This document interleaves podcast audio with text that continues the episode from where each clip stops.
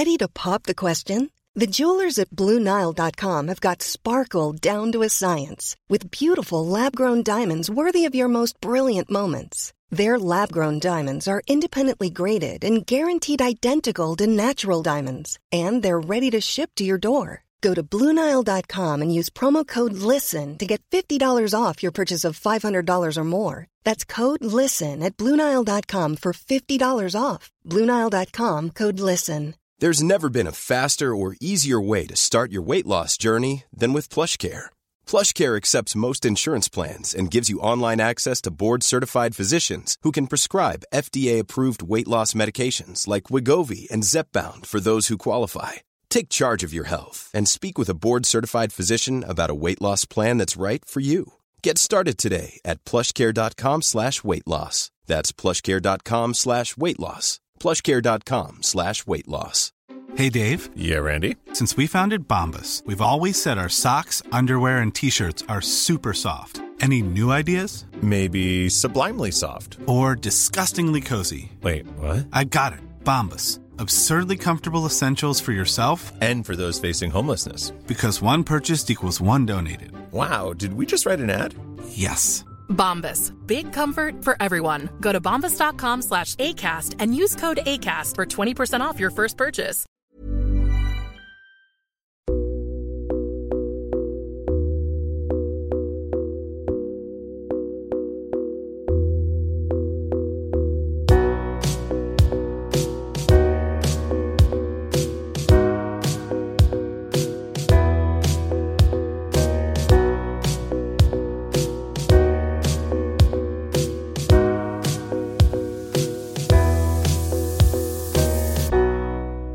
Lyssnar på Säg vad du vill Åland, en lokal podcast med fokus på fria samtal. Jag heter Jannik Svensson och producent för podden är Didrik Svan.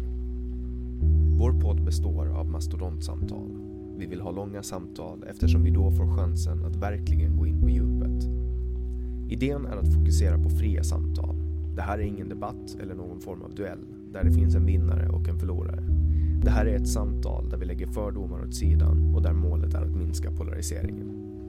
Vi tror att öppenhet är grunden för det demokratiska samtalet och vi vill uppmuntra dig som lyssnare att välja att exponera dig för samtal med någon du inte håller med om, hur triggad du än blir.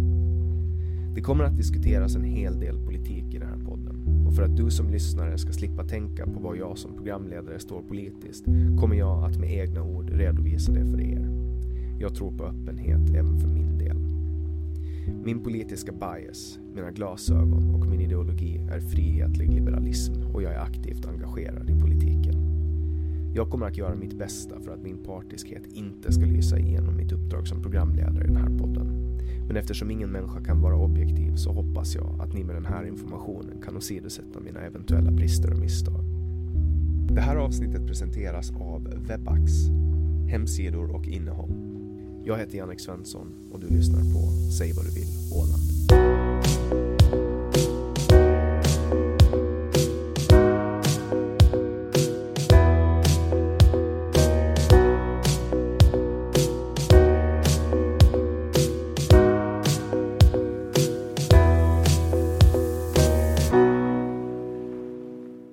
Filip Häggblom är en kreativ person som sysslar med allt från musik och film till teater. Han har ofta någonting att säga om det mesta. Till vardags bor han i Stockholm med sin sambo där han jobbar med kommunikation på Riksteatern. Välkommen hit Filip Häggblom. Tack ska du ha Jannik. Hur, eh, hur kommer det sig att du alltid har någonting att säga om det mesta? Jag tror inte att det är egentligen någonting egentligen som jag har valt. Eh, det är väl snarare det att det är så många saker som intresserar mig. Och ja, men det är få saker som jag tycker att är ointressant eller oviktigt. Nästa, det mesta som händer så vill jag ha förståelse för och sen så anledningen till att jag tycker om att prata om saker med folk och, och debattera är väl för att uh, jag tycker att det utvecklar mina egna åsikter. Jag, jag är noga med att mina åsikter och mina värderingar ständigt prövas. Så du är beredd att, att ändra på dig? Absolut. Det, jag är inte det minsta rädd för att ändra åsikter. Och, och man, man, ser ju dig dyka in i, i vissa Facebook-debatter. Finns det, en, finns det en röd tråd i vilka du väljer att kasta dig in i? För det är ofta ganska kontroversiella debatter som du väljer. Mm. Eh, nej men det tror jag är för att eh, ibland kan jag känna, man kanske, man liksom går till jobbet och så och där diskuteras det mest väder och vind. Och man får inte så ofta liksom möjligheten att, att pröva sina åsikter och, och vässa sin debattteknik och så. Så därför tycker jag att Facebook är, är en bra uppfinning. Uh, för att uh, ja, men det är kul, där kan man slänga sig in i allt möjligt. Uh, jag kan tycka att det är ganska kul att Alltså många tycker att det är utmattande, men jag tycker det är ganska kul att, att, att tugga lite med ja, men, ja, rasister och vaccinmotståndare och allt möjligt. Är det någon speciell debatt som har lämnat djupa spår i dig? Mm, Egentligen inte. Eh, Någon, någon som är speciellt minnesvärd? För jag ser det ju ofta i feministiska debatter. mm. Ja, där, där mm, de tar jag mig ofta an. Men, Och du är feminist. Ja, ja, det ändå- är jag. Måste vi ändå säga till, till lyssnarna. Ja, absolut.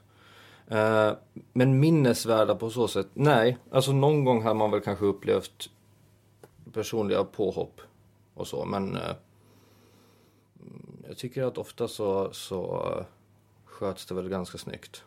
Vad tycker du om debattklimatet idag då? Eh, jag tycker att det är ganska, alltså polariseringen tycker jag att det är ganska kul om man får säga så.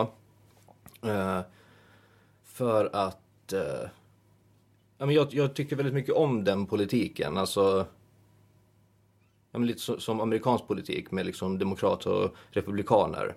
Att det verkligen är två, två läger eh, som, som står i ganska liksom bjärt kontrast till varandra.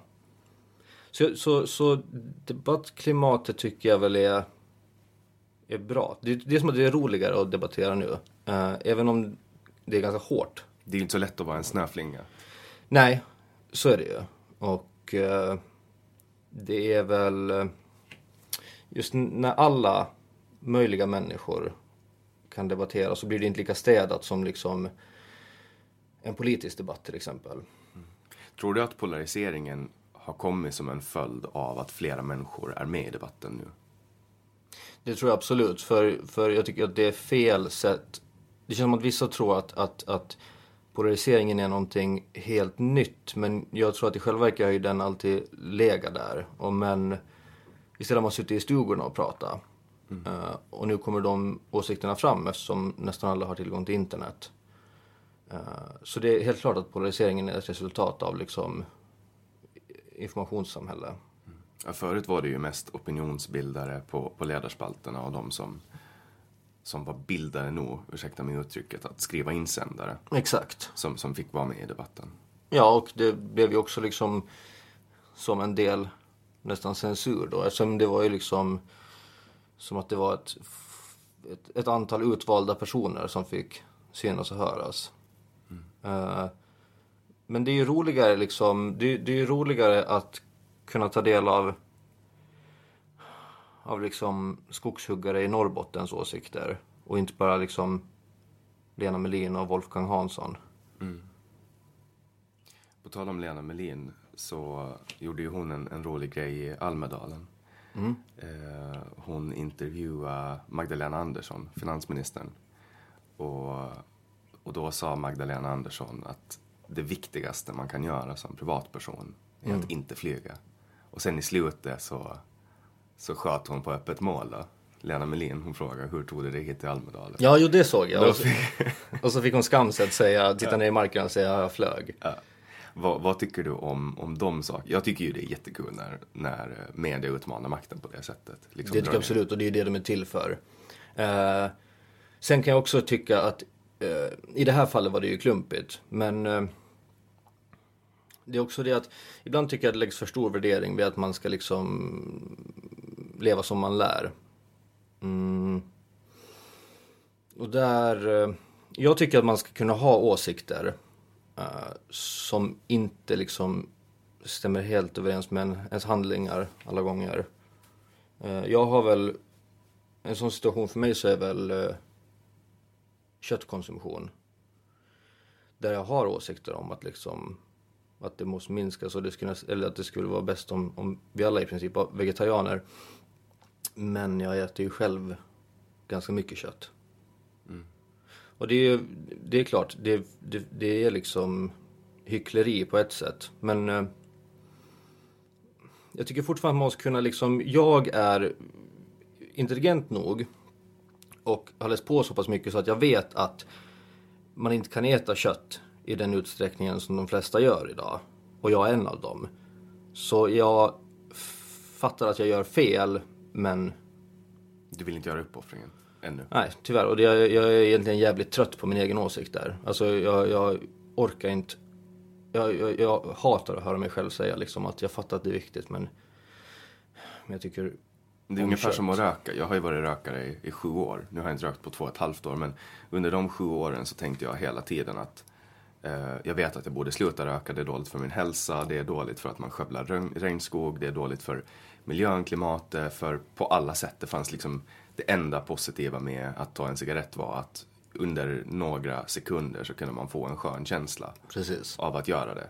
Eh, men det liksom, finns ingen chans i världen att det skulle väga upp fördel, na, na, nackdelarna. Nej, Men man gick, jag gick runt och visste att jag borde sluta. Är det typ samma med kött? ja det tycker jag. Alltså jag tycker att du som politiker då skulle kunna liksom, du skulle kunna röka som en borstbindare men fortfarande liksom lobba för att det ska införas rökförbud och att liksom man ska måste minska rökningen. Det tycker jag, så tycker jag, så tycker jag att man kan göra. Att tillåta hyckleri. I viss, alltså, det är ju inte som att, som att allt hyckleri behöver liksom vara accepterat och så. Men, men eh, ibland tycker jag att folk är lite väl känsliga. Alltså, alltså pekar på hyckleri lite väl. Men det har väl också med trovärdighet att göra. Alltså för att, du vet en politiker som, som Magdalena Andersson, alltså kolla på, Gre- kolla på Greta Thunberg. Hon nobbade något så här toppmöte i New York för att hon inte kunde, det skulle ta för länge att sitta på en lastbåt över Atlanten. Alltså för att hon tar tåget. Hon lever ju som hon lär. Det gör hon. Och, och hatten av för det. Absolut. Om hon tycker att det är liksom viktigare att, att hon transporteras. Alltså för flyget skulle ju antagligen gå utan henne också. Så är det ju. Ehm, men, men där har vi ju verkligen någon som, som står för, för sitt. Och hon vill ju inte vara en hycklare. Nej, och det är ju som du säger, det är hatten av för det. Så, så vill ju liksom även jag vara. Att, att jag skulle vara ett, ett perfekt exempel av, alltså som helt och hållet speglar min åsikt. Att mina handlingar all, i alla sammanhang speglar mina åsikter. Såg du det här utspelet med Anders Lindberg på Twitter? Mm, nej.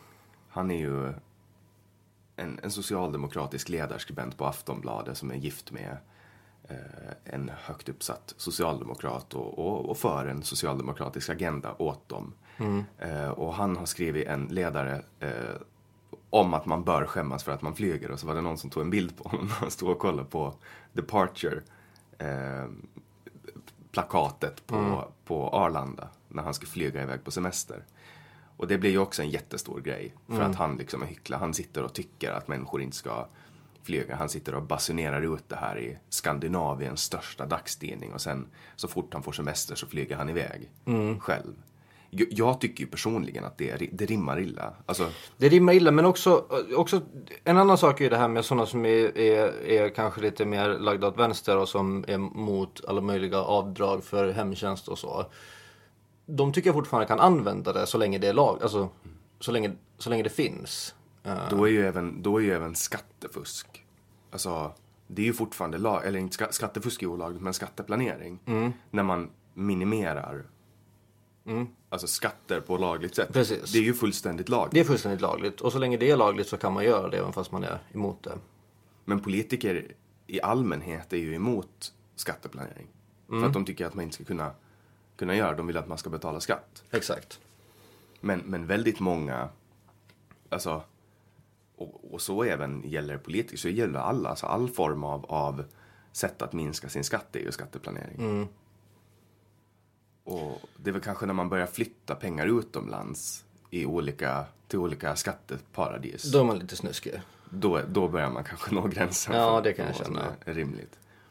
Men eh, ja, alltså mycket vill ha mer och har man massa pengar och det finns en möjlighet att slippa undan skatten så Och sen, sen kan man ju vrida och vända på det hur som helst. Alltså ha pengar i ett bolag och återinvestera dem gör att man genererar mera skatteintäkter till staten och så vidare och så vidare. Mm. Alltså man kan ju vrida på det där hur länge som helst men ehm, höga skatter, alltså skattetrycket i Sverige nu. Du har bott i Sverige också precis som jag. Alltså, första, första månaden jag beskattade i Sverige så hamnade jag på över 30% skatt direkt liksom. Och det tycker jag, det, det är ju såklart. Men, men där är ju en, en där är liksom en, en, en skillnad på liksom ens eh, mikro och makrotänk typ. Jag tänker att det, det är tacksamt, speciellt när jag liksom pratar med, med, med bekanta från andra delar av världen, till exempel USA. Så känns det ju tacksamt liksom när jag bor i Sverige att om jag eh, stiger snett på väg hem från krogen så kan jag gå in på Huggs och säga hej jag har ont i benen, ni måste göra någonting åt det här och det fixas. Uh, och det är väl fint med en välfärd och eh, för att ha en fungerande välfärd behövs ofta ganska mycket skatt. Men lik förbannat så tycker jag det är skitjobbigt när jag vet att jag har en lön och så kommer det in liksom bara en del av det på mitt konto. Sen kan ju jag tänka mig känslan av att jobba hårt i USA, betala pengar och sen tar de de pengarna, flyger ner till något arabland och så dödar de folk. Det skulle jag kanske inte tycka att var världens bästa sätt att... Nej, och börja betala för andras, eh, liksom mm, betala för Donald Trumps bråk med, med andra politiker, det skulle ju inte kännas eh, så tacksamt, nej. Samtidigt har ju Sverige, och det kunde jag känna många gånger, alltså en otroligt enorm offentlig sektor. Alltså ett oändlighetsmaskineri som manglar och maler i evighet. Liksom. Även om de har mycket digitala tjänster, alltså BankID är ju typ det bästa som har hänt. Exakt. Och, och att kunna liksom logga in på vilken sajt som helst, alltså du kan till och med gå in och spela på ett online-casino utan att registrera dig Ja. eh, privata tjänster. Alltså, och det är ju fantastiskt. Ehm, och så.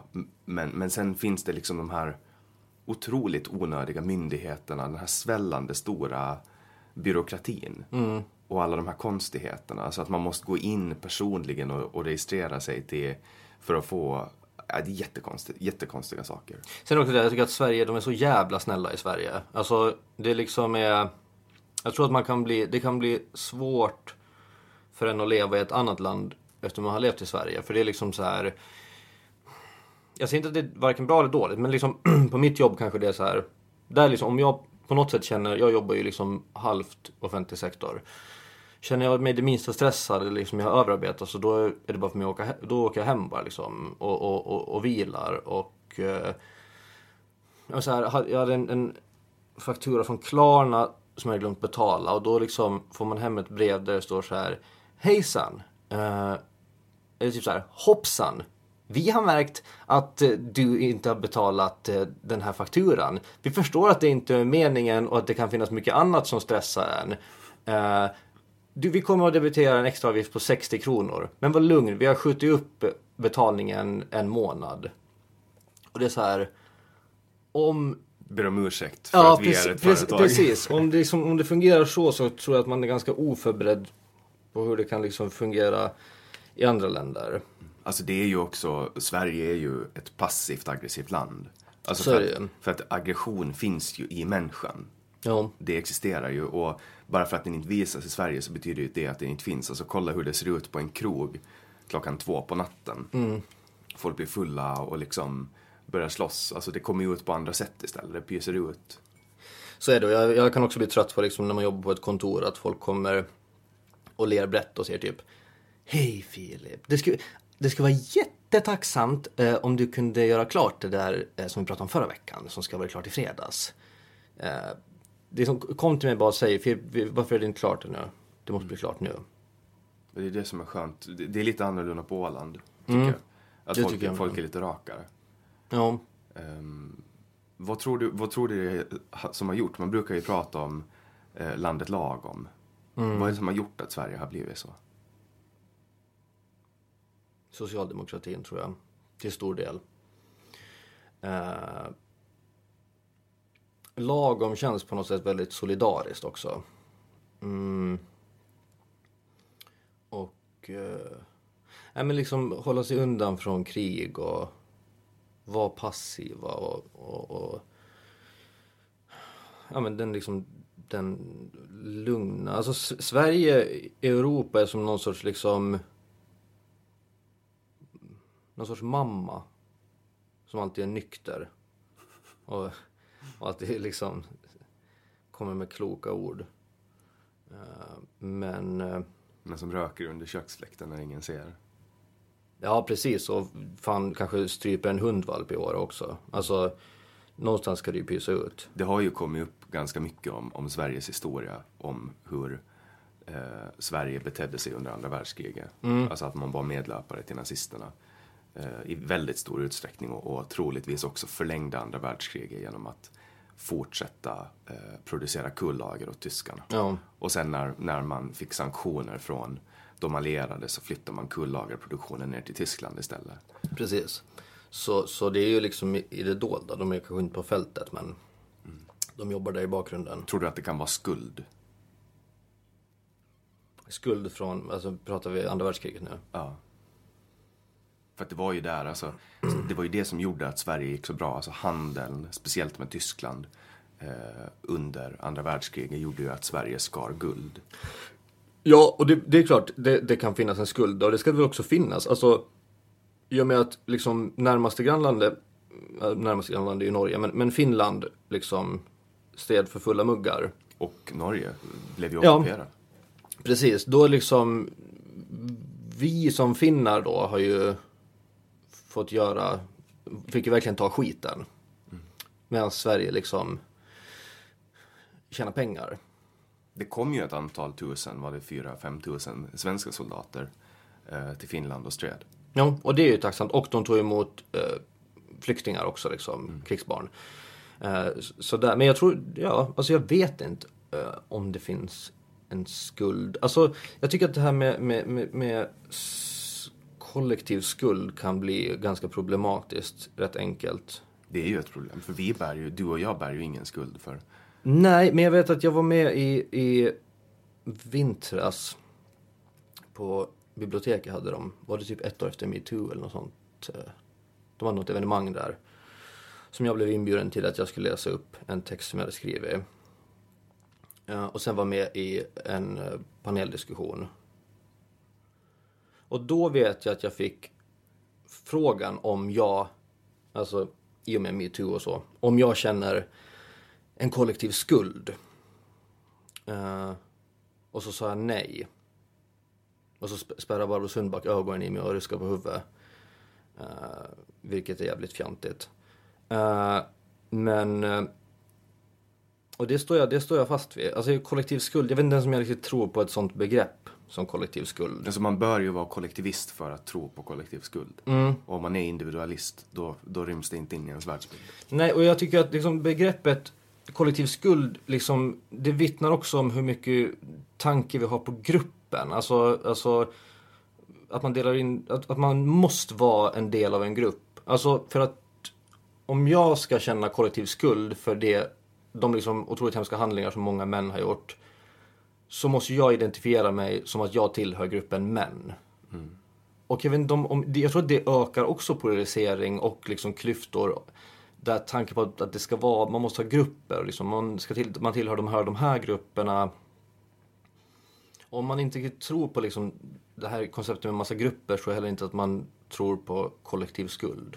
Sen har ju kollektiv skuld, skuld och synd varit en väldigt stor del av det västerländska samhället. I och med att, alltså, grejen med hela lutherska kyrkan är ju att Jesus ska förlåta dina synder. Jesus har dött för dina synder och det enda du behöver göra är att eh, erkänna Jesus som, som Guds son så, så kommer du att komma till himmelriket. Alltså man sålde ju avlatsbrev i katolska kyrkan. Det är, det, är, det är fan en av de smartaste grejerna som någonsin har gjorts. Verkligen. Alltså och det, är det- ju, det är ju samma sak nu. Alltså, eh, ekologisk mat är ju som ett modernt avlatsbrev. Mm. Jag skulle vilja vara med när det pitchades avlatsbrevet på, på, på salesmötet.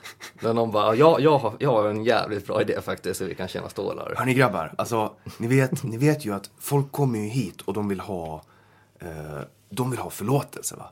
Men vad, vad om vi alltså, sätter förlåtelse på papper? Då kan ju vi ge den till folk. Det är så smart. Alltså jag älskar den idén. Men det är ju, alltså ekolog, förstår du vad jag menar? Ja, absolut. Och, och välgörenhet och allt möjligt. Det är ju också att man, att man kan få bli fri från synd på, på ett sätt liksom. Och, och rena sig själv. Man kan fortsätta smutsa ner världen på andra sätt medan man, man tycker att man har gjort ett bra val. Exakt. Och det är ju, alltså, så är ju...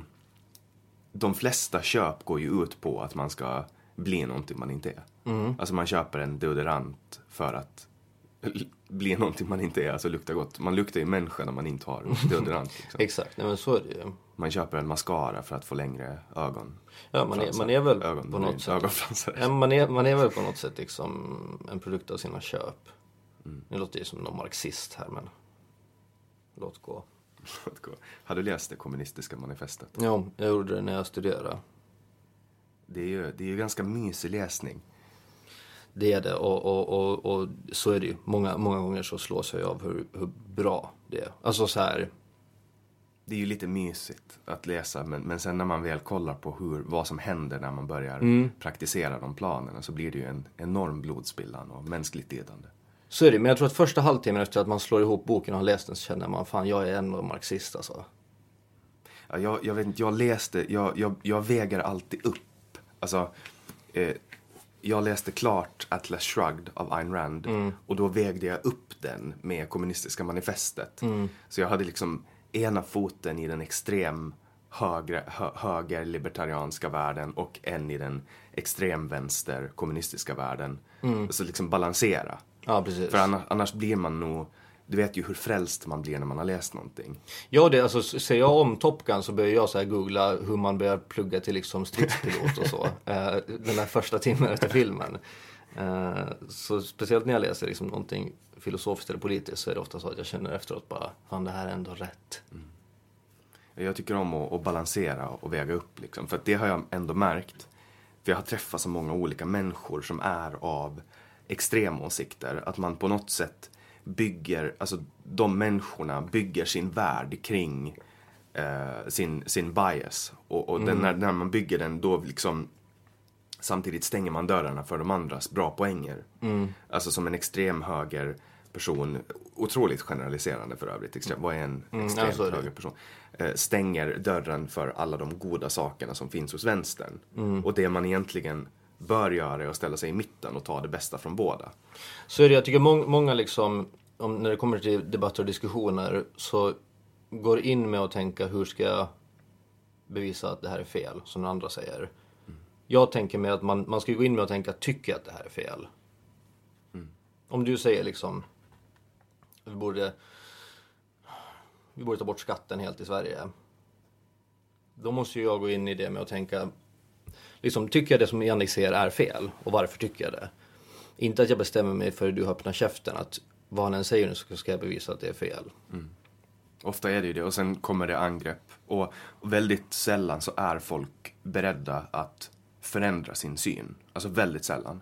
Men när det händer, då blir man ju, alltså så fort en människa ändrar sin syn på grund av att jag argumenterar, då blir jag liksom nästan att jag avgudar den människan. Mm. Ja, det är, det är en sjuk känsla. Alltså, Det hände, det hände häromdagen att jag pratade med en person.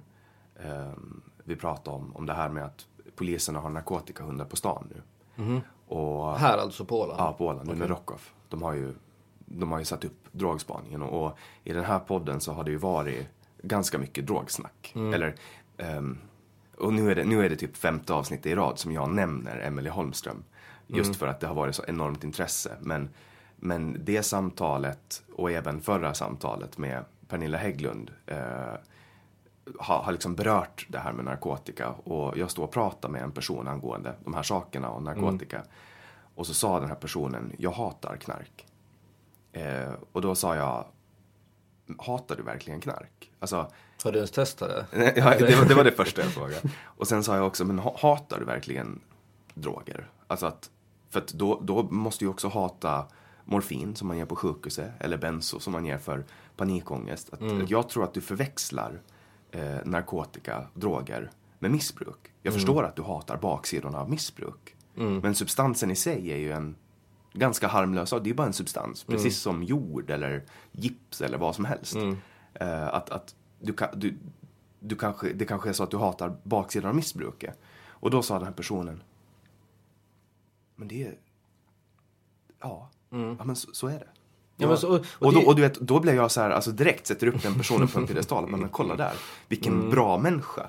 För, för den, kval, alltså den kvaliteten, att ha den kvaliteten i sig, det är eftersträvansvärt enligt mig. Ja, jag tycker alla borde ha den. Det var väl typ, nu, kom, nu är det väl lite killgissning här. När det kommer citat så är det väl typ Mark Twain eller Churchill. Men vi säger att det var Churchill då. Han, han, han, han sa ju liksom typ så här att, att liksom kunna ändra sin åsikt så är ju bara ett bevis på att man liksom är klokare än vad man var igår.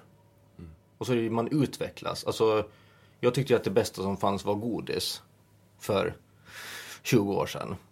Idag tycker jag inte, jag tycker att liksom, pengar till exempel är viktigare än godis.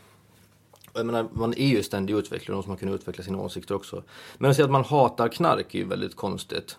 Alltså då är det ju, då kanske man inte tänker hela vägen. Man kanske hatar det som det, alltså jag hatar ju uh, trafficking och, och uh, våldtäkter. Men jag hatar ju inte sex. Nej. Alltså att det, det, det är liksom sex det handlar om. Men jag kan ju inte säga jag hatar sex.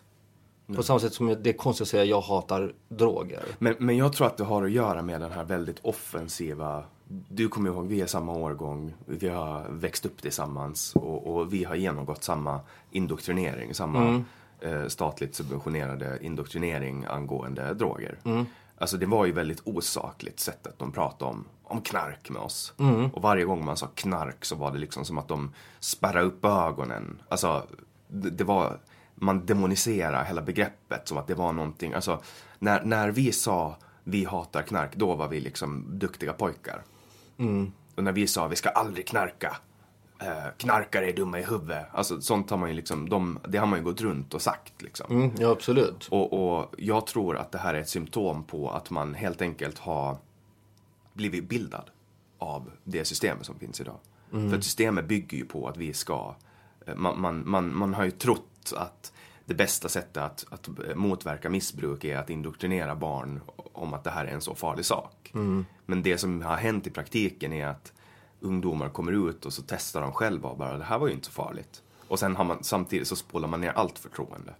Så är det ju. Men det är väl samma sak som med liksom, om man går längre bak, att man uppfostrar alla barn till liksom kristna värderingar och, och, Ja, men så och att de- kristen lära. Om du onanerar så växer det hår på handen. Liksom. Ja men precis, sen kanske man kommer ut och onanerar och ligger med folk av samma kön och märker att det funkar ju hur bra som helst. Ja, man blir lycklig av det typ. Det är skönt om man blir lycklig. Och sen, Så, mm, men... eh, Ja, det det är svårt med, med just narkotika. Eftersom det också är, ju är i de flesta fall olagligt.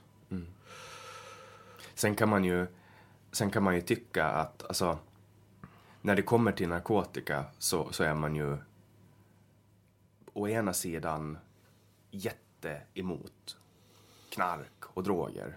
Men å andra sidan så är man liksom hyllande när det kommer till alkohol. Alltså, man pratar om på fredag, jävlar vi ska ut och na, när du fyller 18 och man ser liksom föräldrar skåla i champagne. Alltså, det blir, det blir så konstigt. För att, för att Det, jo, så är det ju absolut. Alltså man, man, liksom, man, man har ett 18-årigt barn och är så här. Familjen typ samlas och ska liksom se när man dricker för första gången. Och, och det är klart det också är vrickat. Jag kommer ihåg första gången jag kom hem full. Eh, och det var lagligt. Och, och från att ha liksom smygit hela uppväxten med att vara full och veta att om mamma eller pappa kommer på mig, då blir det ett helvete. Till att jag kommer hem och är full liksom. Och jag kommer ihåg hur mamma tittar på mig. Och jag kunde liksom känna hennes känslor. När jag, när jag tramsade hem en torsdag natt typ. En torsdag morgon klockan tre. Väckte henne för att jag var så högljudd. Och så satt hon och liksom tittade på mig och bara, men vad fan liksom. Är det så här det ska vara nu?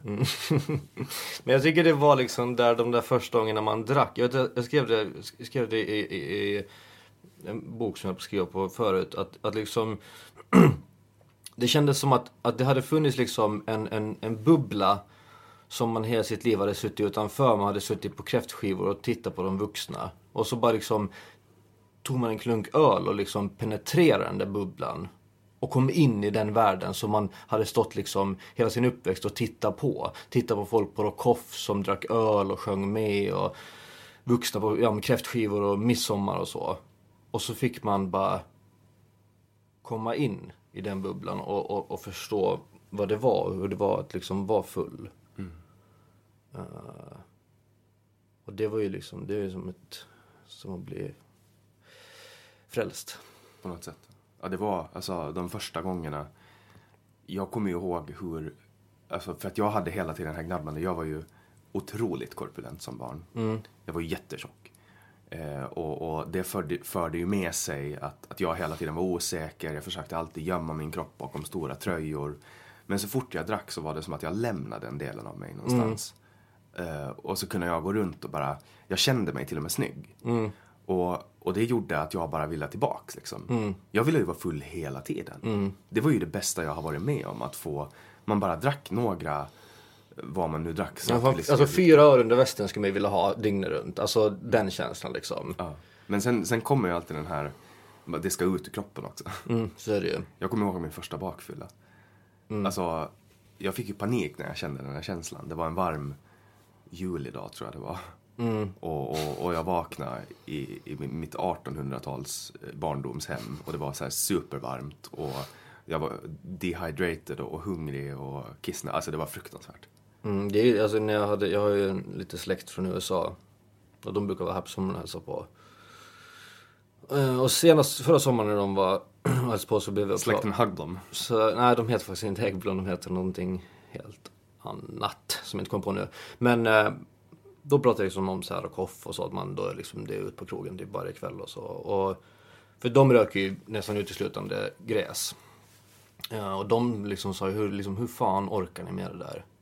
Alltså hur orkar ni med det där liksom, vakna med huvudvärk och mm. helt liksom ja, illamående och törstig och så.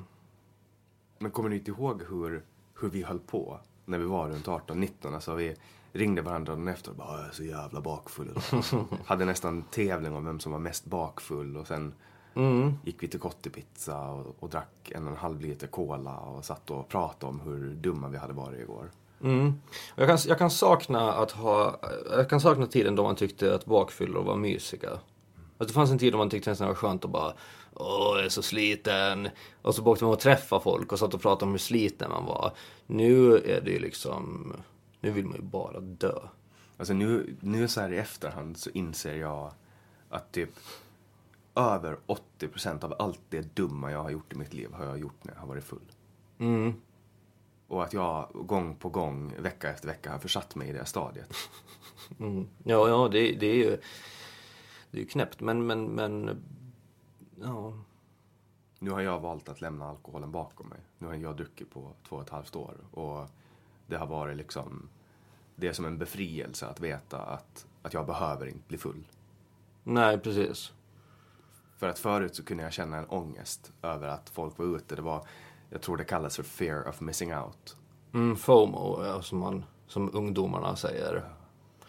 Ja, och det är ju så här, alltså då som jag då som jag känner mig som mest liksom, eh, då, då som jag liksom blir nästan lite skamsen är om man ska ut på någon stuga eller så och eh, så köper man med sig öl och vin liksom och så märker jag att jag har köpt för lite och får den här alkoholpaniken. Alltså då känner man ju sig verkligen som en alkoholist.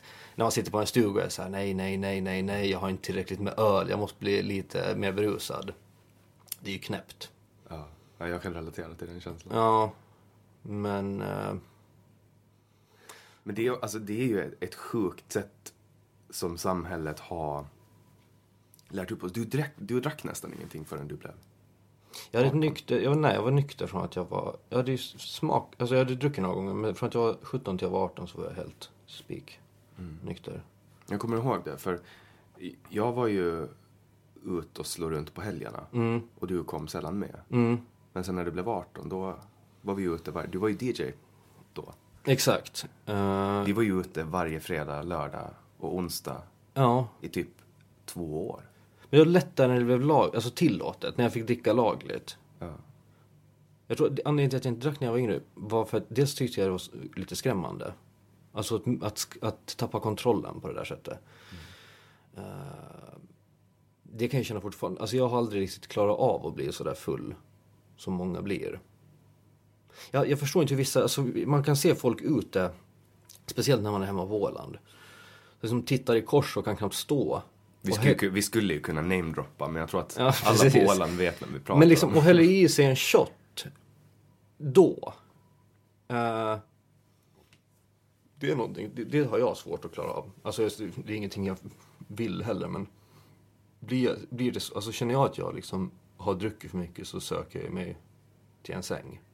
Men samtidigt så är det ju mycket som har hänt. Alltså, när vi fyllde 18, 2012, då fick man köpa... Då fanns det ingen begränsning på hur mycket man fick köpa. Man kunde köpa en shotbricka. Exakt. Det, sen, sen kom ju det en regel med en shot, en drink. Och det tyckte man var så jävla analt. Ja, jävla OMHM. Ja. Skitar. Och, och då också uteserveringarna. Och Rockoff, det röktes ju massor. Alltså, det var ju hela tiden som folk satt med sig. Men nu är det liksom, den här skammen verkar ha bitit på folk. Alltså, folk röker mindre, tycker jag. Så kan, ja men det tror, det tror jag absolut.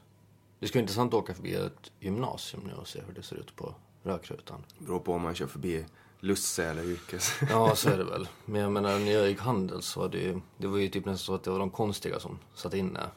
Vi står ju typ utanför entrén då. Det Ja. får man inte göra nu. Nej.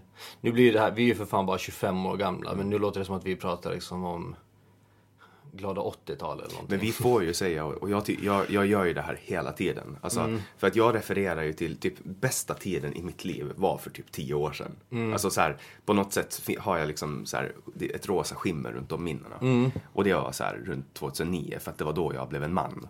Alltså Precis. så här, jag drack första gången, jag hade sex första gången, jag började liksom, man, man kör, köra moppe och sådana grejer. Och, och på något sätt så har den här tiden liksom, det var så mycket som hände. Alltså, Facebook, Spotify. Tänk att vi har haft Spotify i tio år. Alltså, kommer du ihåg det när, när Limpan fick tag på massa Spotify-invites och vi satt och kastade ut de här till folk och liksom frälste folk? När man har suttit och laddat hem musik och helt plötsligt kunde man streama allting och göra spellistor och skicka till varandra och lyssna på hela album. Alltså, bara en sån sak. Eller Facebook där man kunde ladda upp bilder och ha massa vänner och, och liksom... Alltså det, det var ju så mycket som hände den här tiden. Så jag tror att Spotify är det sjukaste jag varit med om. Vad gäller liksom te- teknik och utveckling. Det var ju verkligen För det, kom, liksom, det andra har gått ganska successivt så här. Man har kunnat börja ta bilder, man har kunnat börja lägga upp bilder och så har det liksom blivit mer och mer avancerat. Men det var liksom LimeWire eh, och iTunes och så bara en dag bara smäller Spotify ner. Ja, det var helt... Alltså, det är typ det sjukaste jag gjort. Var när jag började söka på olika... Jag började söka på olika band och vad jag än sökte på så kom det upp. Mm, jag, jag tänkte så här, ja, jag testade ABBA och så bara, de fanns. Och så bara blev man manisk och bara satt och sökte och försökte, så här, om jag söker på något svenskt litet band, vad fan de finns också. Jag har fortfarande en spellista kvar som jag gjorde. Det första jag gjorde, den har typ 400 låtar och det är bara så här musik från som jag lyssnade på när jag växte upp. Massa Bon Jovi och gamla 80-tals sleaze-rockband. Och ett av dem spelar ju på Rockoff igår. Har så rätt. Ja. Ehm, på tal om det, alltså det har ju varit ganska bra artister på, på Rockoff de senaste åren. Alltså Toto. Ja, jag känner att jag har haft lite dålig koll. Jag såg att det spreds mycket något klipp på Toto live. Någon annanstans, när de inte var så bra. Mm. Nej men alla de banden är ju, alltså, de är ju 70.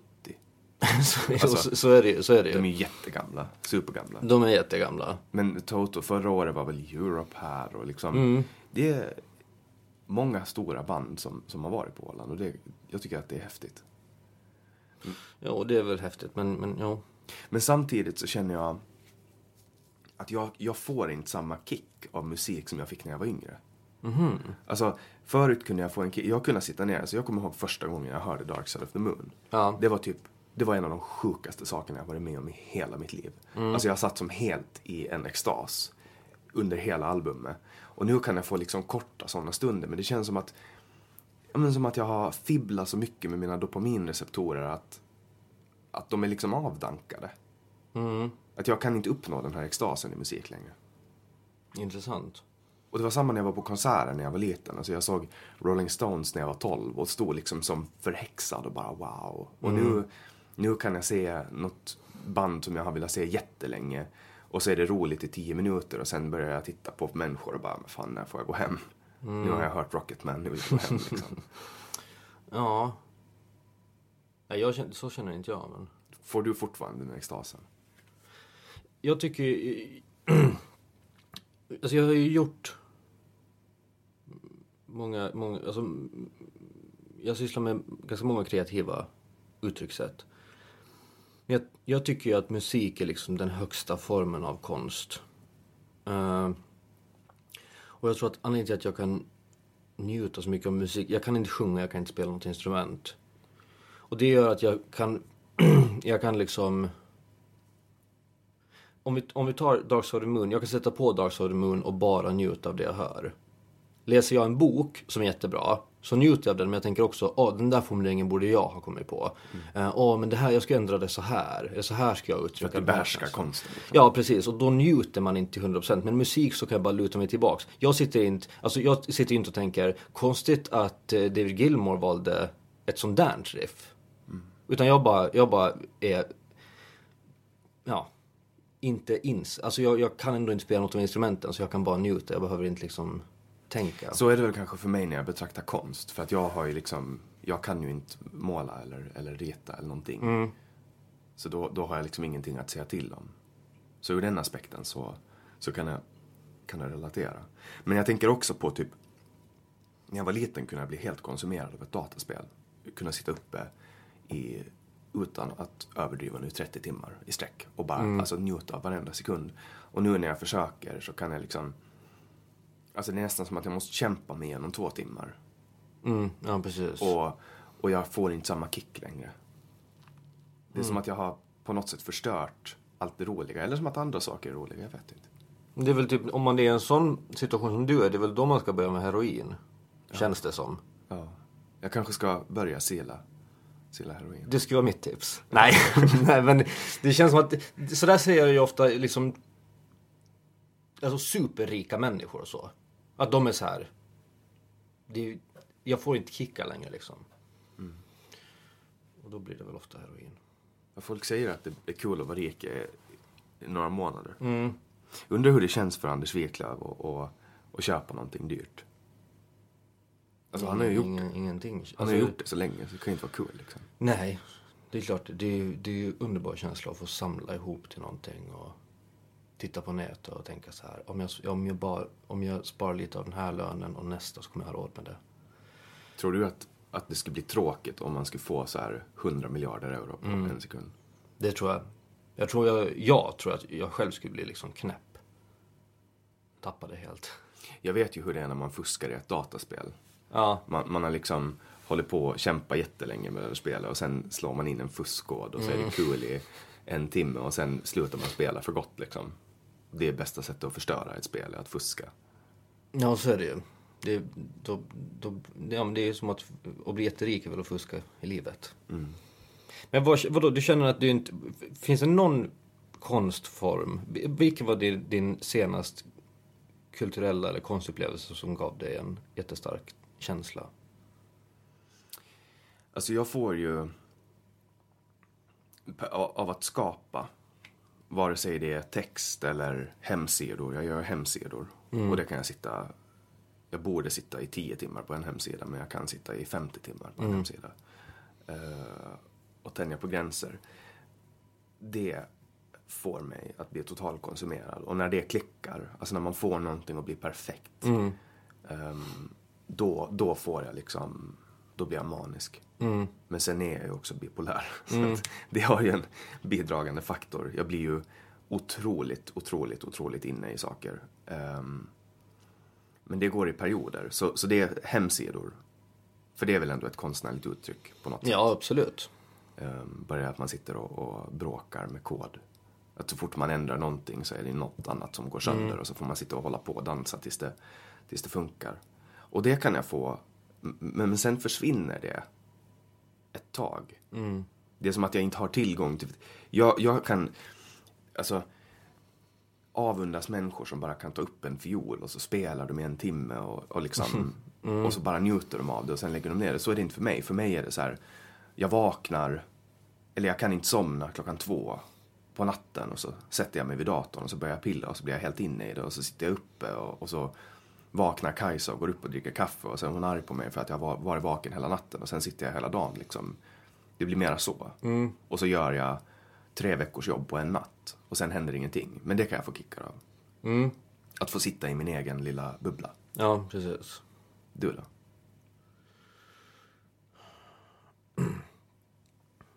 Ja, eh... Nej men jag tycker, jag, jag får också kickar av, av skapandet. Såklart. Alltså, och, och jag måste...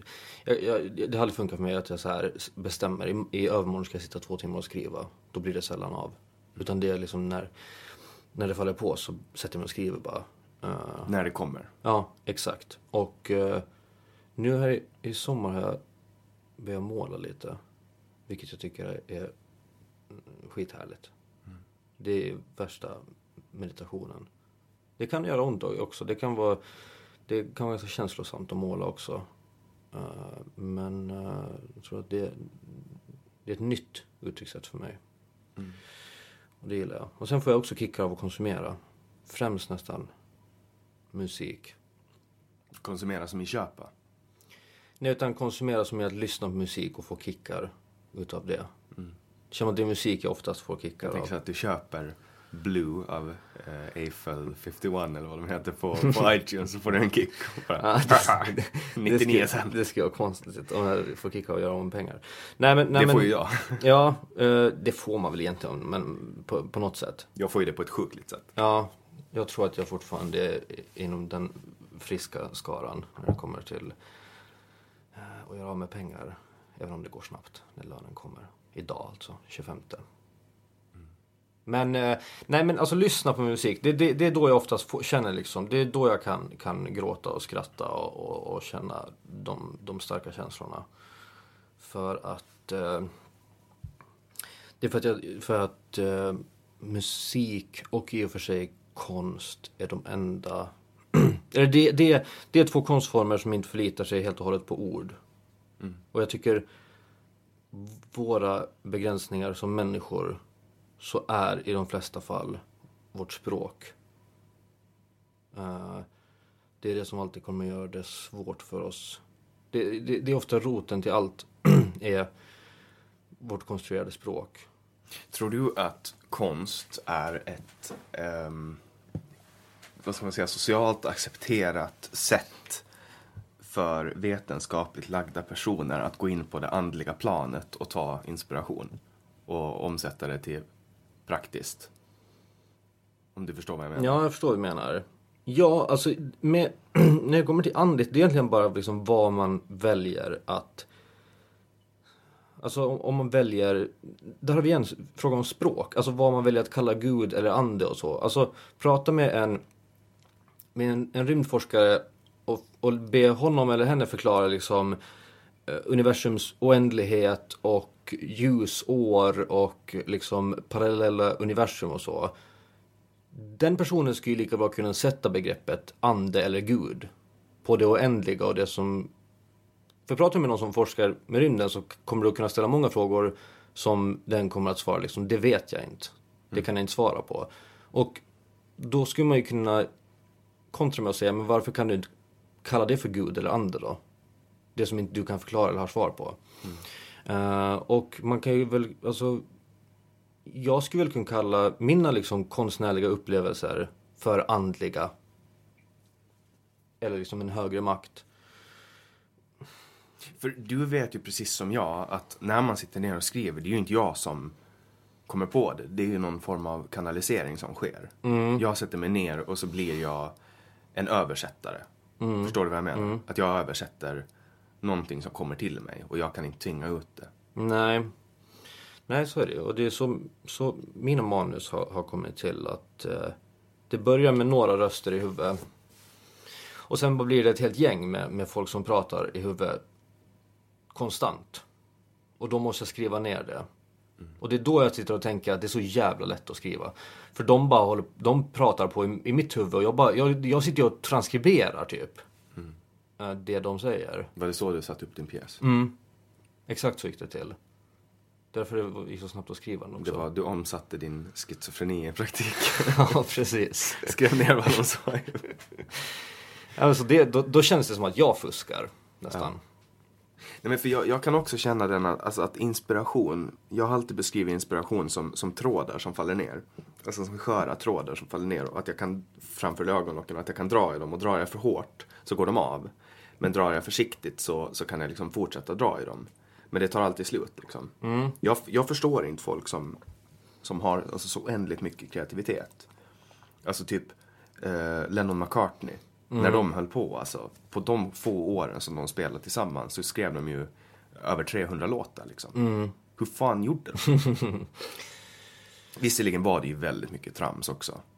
Ja, så är det. Man kan ju sjunga, ja, så är det ju. De Alltså, tramsar ju väldigt mycket och jag tycker att det är jättekul att lyssna på gamla Beatles eh, recordings. Alltså, Bläckfiskträdgårdar och... Ja, och sen finns ju de här anthology-skivorna där de har liksom, men typ, de jomsar runt i studion. Jag tror att det handlar om, om, om sällskap. Det, det som jag saknar nästan mest så är... Eh, många av dem jag ser upp till, som är kanske liksom amerikanska manusförfattare och så. De liksom pratar ofta om att de var kanske ett gäng på fyra, fyra personer som hade samma inriktning. Och bara satt och bollade manus och skrev och lånade av varandra och så. Och kommer man in i ett sånt sällskap så tror jag att man kan bli liksom, då kan man börja göra Kanske konkurrera lite också. Ja, precis. Man utmanar varandra och man hjälper varandra och så. Eh, då tror jag att, att, att man kan liksom spåras till att vara, producera massa saker. Som Strindberg och, och Werner von Heidenstam. Ja, man ska ju gärna sitta liksom på de här Gyllene Freden och vad fan de heter liksom. Mm, och, och, och bara och, och, dricka absint och, växla manus. Och, rulla sin mustasch. Ja, det var tidigare det. det var tider. Du kan ju nästan rulla, alltså tar du bort ditt helskägg och bara lämnar mustaschen. Så kan du ju vaxa och lämna, för du har ju ett ordentligt helskägg. Det har jag och det känns, det, det trivs jag med. Lite varmt på sommaren men, men jag, vill, jag, jag, jag skulle gärna se ut som någon gammal knäpp filosof, gubbe. Du har ju alltid haft skägg. När vi var 14 så hade du skägg. Mm. Jag hade sådana pälsfläckar kring strupen, typ. Det var där det började. Där, där, där har jag kala fläckar. Ja, Nu, jag har ju fortfarande ingen skäggväxt. nej, Jag har dåliga gener. sörjer du det? Alltså, ibland önskar jag att jag skulle kunna alltså, få en så här charmig eh, två dagars skägg, skäggstubb. Ja, precis. Eh, det kan jag sakna. För nu om jag får en, en två dagars skäggstubb så ser jag ut som en 15-årig moppepojke som får så här en flottig musch som liksom sticker ut som några tentakler. Så här konstig, awkward. Det är ett jättebra sätt att, att dölja en dubbelhaka också. Det är väldigt, det är väl, det är väldigt tacksamt. Jag har ju en pendlande dubbelhaka. Jag jojo-bantar ju sen 2013. Så min, min dubbelhaka den är liksom som tidvattnet. Ja, men vad fan, det är också, det, är inget fel med en dubbelhaka. Absolut inte. Eh, och mm, det där tänker jag också mycket på, liksom. Eh, alltså att man, man, man det är ju väldigt bra att det liksom finns, att det har blivit på tapeten med kroppsaktivism nu. Och eh, nu har inte jag några barn, men det tror jag att liksom den dagen man skaffar barn så ska man vara jävligt noga med vad man pratar om med sin kropp. Eh, jag tror inte det är bra när man liksom har barn och sitter och, och pratar om att man tycker att man bör bli rund och att man störs på sin dubbelhaka. För det liksom ärvs ju ner. Det, det håller jag med om. Jag har sett det. Alltså jag har ju pushat det sjuka idealet på mina småsyskon. Och det märker jag i praktiken när jag ser hur de eh, pratar. De är 14 och 16. Och jag har ju liksom jag har ju alltid haft en störd relation till mat. Eh, och jag kämpar fortfarande varje dag med att få, få mitt liv att funka kring mat. Alltså, det är ju så jävla sjukt att vara beroende av en drog som man är nö- livsnödvändig liksom. Eh, men, men samtidigt så finns det ju den här kroppsaktivismen där man liksom pushar ohälsosamma ideal som är rent utav farliga. Alltså, eh, det är ju farligt att vara överviktig. Alltså som jag såg ut förut, 125 kilo, det var ju livsfarligt. Jag gick runt med en kropp och en bukspottkörtel som fick jobba så mycket så att jag, alltså jag hade ju liksom förstadiet till diabetes. Och, och kunde inte gå upp för en trappa, det var ju hemskt. Ja. Och, och det, jag tycker inte att man ska kämpa för att normalisera en sån kroppsbyggnad. Där känner jag att jag vet alldeles för lite för att egentligen kunna uttala mig. Men du kommer ihåg hur jag led? Jag kommer ihåg hur du led ju, men, men, men det där är ju en diskussion som pågår just nu så här. Att, ja men kroppsaktivism, ja men då är det, ni, ni förespråkar en, en ideal som också är sjuk. Eh, jag vet, jag vet så jävla lite om det där så jag vill inte riktigt säga någonting. Alltså för att det finns, som, som nu har jag en, nu har jag en liten mage liksom. Eh, kanske snuddar in på lönnfet. Och det är okej. Alltså, men, börjar man ha en så stor mage att, att det är farligt, alltså att man är liksom eh, går in för ri- riskzonen för, för olika sjukdomar. Där tycker jag att det går någon gräns. För att, för att fetma leder till otroliga sjukdomar, ot- otroliga kostnader, otroligt mänskligt lidande. Alltså inte bara psykiskt utan även fysiskt. Man, man, man så fort jag börjar väga över en viss gräns, jag tror att det är typ 92 kilo eller någonting, Ja. så börjar jag snarka sådär, poff. Ja. Det är liksom är som en gunga. Ja. Och, och sam, sam, samtidigt också får jag halsbränna. Alltså de två sakerna, då vet jag att nu har jag gått gränsen, alltså kroppen börjar liksom reagera. Eller det är Kajsa som börjar reagera. Eh, och sen märker jag att jag får halsbränna. Och ehm, jag tycker inte att man, att man ska kämpa för Jag tycker det är helt okej. Och det pratade jag om i någon av poddarna också. Att, att jag var på Stadium där de hade liksom skyltdockor som var lönnfeta. Och jag tycker att det är bra. Mm, det tycker då, jag då maximerar man, alltså ur ett kommersiellt perspektiv så maximerar man ju chanserna att folk ska känna igen sig. Exakt. För att det är en ytterst liten procent som kan känna igen sig i, i Size zero liksom. ja, skinny fit, perfect butt eh, Exakt. grejen. Ehm, men samtidigt så är det ju lite konstigt så här, när man marknadsför fitnesskläder ehm, med människor som är grovt överviktiga. Alltså, för att fitness handlar ju om att vara fit. Ja, men, men, men man kan ju, alltså hur, hur man än ser ut så kan man ju motionera, alltså man kan ju träna. Absolut. Eh, så, och om man liksom presenterar för, för uh, tjocka personer. Jag tror att det tjock är det som man ska säga. Ska man säga tjock? Ja, fet. ja, Eller tjock, nej tjock. Jag tror att, Tjock, jag tror att de, ja. de, de, här kroppsaktivister som jag har hört så säger att man ska säga tjock. Så vi kör. Men, men Mm. kör om, om man är tjock så, så, så kanske det är bra att man ser, ja där är en annan tjock människa som har träningskläder. Då betyder det inte att, då betyder att jag också kan gå på ett gym. Mm. Gateway. In i i gymmandet. Jag skulle vilja ha lite mer kaffe. ja, jag fixar. Ska vi ta en paus? Absolut, vi tar en paus. Ja, men det här med, det här med fetma, eh, stigmat.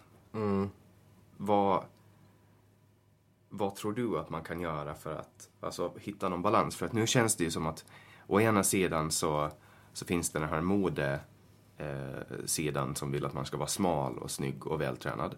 Och på andra sidan så finns det kroppsaktivister som, som vill att man ska vara tjock och Finns det någon mitten? Vad, vad är mitten? Är det pappa, pappakropp? Att man- Dad bod. Mm. ja, alltså.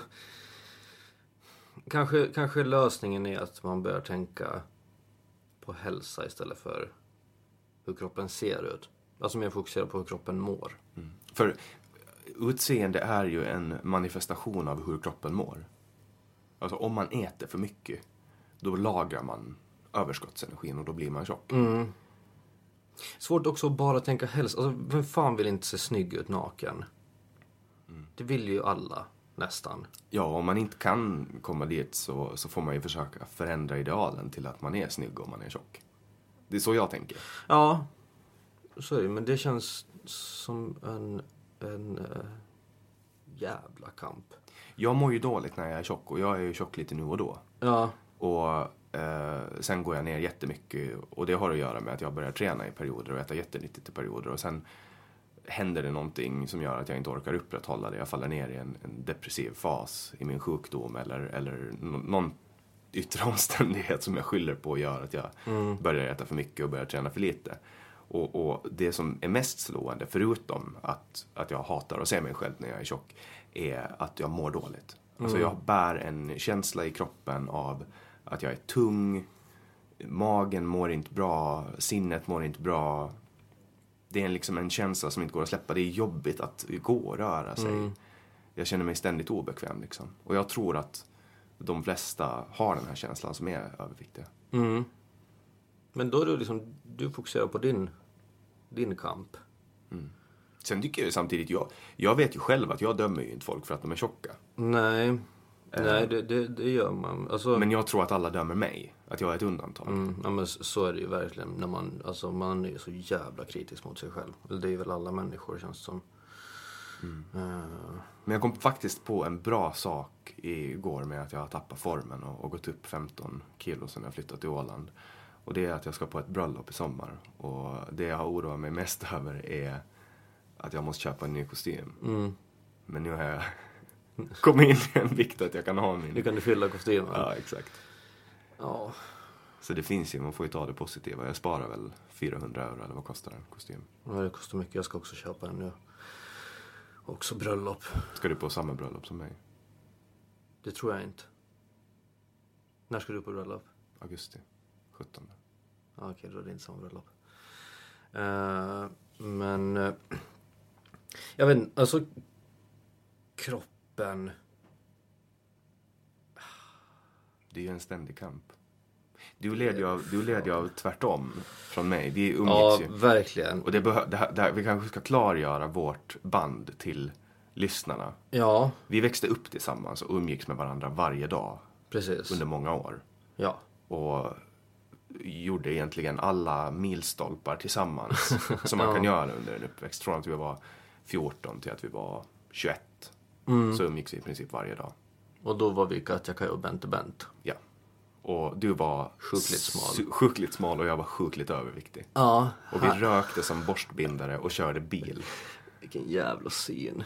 Ja, det måste ha varit kul att se på. För att folk frågar mig, när, när, jag, när jag syntes offentligt utan dig så frågar folk, jaha, var har du Filip då? Ja, det är sjukt. Det känns som... Ja. Nej, men så var det ju verkligen. Alltså, det var på, på riktigt, alltså till och med min pappa frågade, ja, var har du Filip då? När, när jag träffade honom. Det, är ju, det är väl härligt. Eller man, man är ju inte så individuell då, utan man är ju, man är ju ett team. Men, men samtidigt så, så tror jag det har att göra, för att vi var ju de, vi var ju båda lillgamla. Alltså när, när alla andra ville vara ute och, ja, jag, har inget, jag vet inte ens vad de andra gjorde. Så ville ju vi sitta och prata om, om poesi och musik och allt, men kanske inte så mycket poesi, men, ja, men visst po- poesi, vi pratar om poesi. Alltså vi pratar om allt. Och, och, och filosofiska diskussioner. Och, och det här börjar ju redan, jag körde moppebil liksom. Och vi åkte runt och lyssnade på musik och du, var, du var den ständiga uppfyllnaden i, i passagerarsätet. Det är många mil som avverkas i den moppebilen. och sen Volvo S40 också, herre jävlar. Ja. ja det, var, det var en här, det var en raggarkultur nästan. Ja. Glida bil. Det är svårt att förklara för människor nu när man bor i Stockholm. Att ens uppväxt var liksom att glida runt i en bil. Och åka till olika ställen Exakt. för att röka tobak. Det är... Men sen var ju det ett progressivt moraliskt förfall med att man till sist började röka i bilen med fönstret öppet och sen gled fönstret längre och längre upp och till sist satt man och rökte i bilen och bara sket i allt. Ja. Ja, men det är väl... Men jag, jag, tror, jag tror att våra... Alltså nu, nu, nu överdriver inte jag när jag säger eh, tusentals timmar av diskussion. Alltså för att det, är, det måste vara tusentals timmar. Ha, ha förändrat mig i grund och botten. Jag tror att det är det som har gjort mig så verbal som jag är idag. Mm, ja, men det är ju ett sätt att, att ständigt pröva så och ständigt liksom vässa sig. För sen, sen bråkar vi ju massor. Ja, men vi exakt. blev aldrig ovänner. Ja, men det är svårt att utvecklas om man är, alltså, omringar sig av ja-sägare. För vi debatterar ju otroligt mycket. Ja, jo, verkligen, verkligen. Och sen fick vi ha andra människor att lösa våra argument. Precis. Ja, det tror jag är jävligt bra. Alltså det, det, det tror jag också Det var ju oftast mig. de som jobbar på SO som fick lösa Ja, det är ju konstigt. Det var, det, liksom, det var moderatorerna som man åkte till och, och så, så fick de medla fred. Mattias Snellman och Tört. Ja, gud vad de har fått höra. höra, ja, verkligen. Men jag tror att så här. Alltså när man var yngre tyckte man, så var det ändå som, i alla fall jag. Eh, då tyckte jag ännu mer om att vara kontroversiell. Nu tycker jag om det. Men, men jag är kontroversiell med åsikter som jag verkligen står för. När man var yngre kändes det som att man kunde typ hitta på åsikter bara för att de var kontroversiella. Mm, dra en Stefan Toivonen. Ja, precis. Och liksom inte ens egentligen stå bakom dem. Utan bara säga dem för att det var punk. Ja. Nu är det ju liksom... Det var som när Johnny Rotten hade en, en uh, fuck, dark, fuck Pink Floyd-tröja, eller Fuck Dark Side of the Moon. Mm, Han älskar Pink Floyd. ja, precis. Men då är det som man vill vara... Man vill vara punk. Och nu, jag tycker att jag är punk fortfarande, många gånger. Alltså, även om jag, det jag har skrivit i, i, i nyan som, som krönikör så har ju varit en del liksom rätta åsikter. Som jag tycker att det är ganska enkelt att, skriva om sånt. eh, för man får ofta medhåll. Eh, Feminism, globalism, Precis. öppenhet. men sen fick jag mycket skit för min sista krönika. Vad handlar den om? Den handlar egentligen om att, alltså, jag tror att det var många som störde sig på att jag avslutade med att jag föraktar människor överlag. Förutom typ min familj och mina vänner och så. Eh, jag ville väl, alltså jag tyckte jag hade skrivit så mycket liksom om solidariska saker och stora frågor och hur vi måste hjälpa varandra och så. Och blev trött på mig själv. Så då ville jag förklara att jag i grund och botten är egoist. Och eh, för det mesta har, har ja, men mer eller mindre föraktar människor. Eh, och det var ju inte, inte populärt. Speciellt inte hos nyansläsare kan jag tänka mig. Nej, det var ju det folk skrev liksom. Att så här, vet inte den här, den här grabben att Nyan är en röd tidning.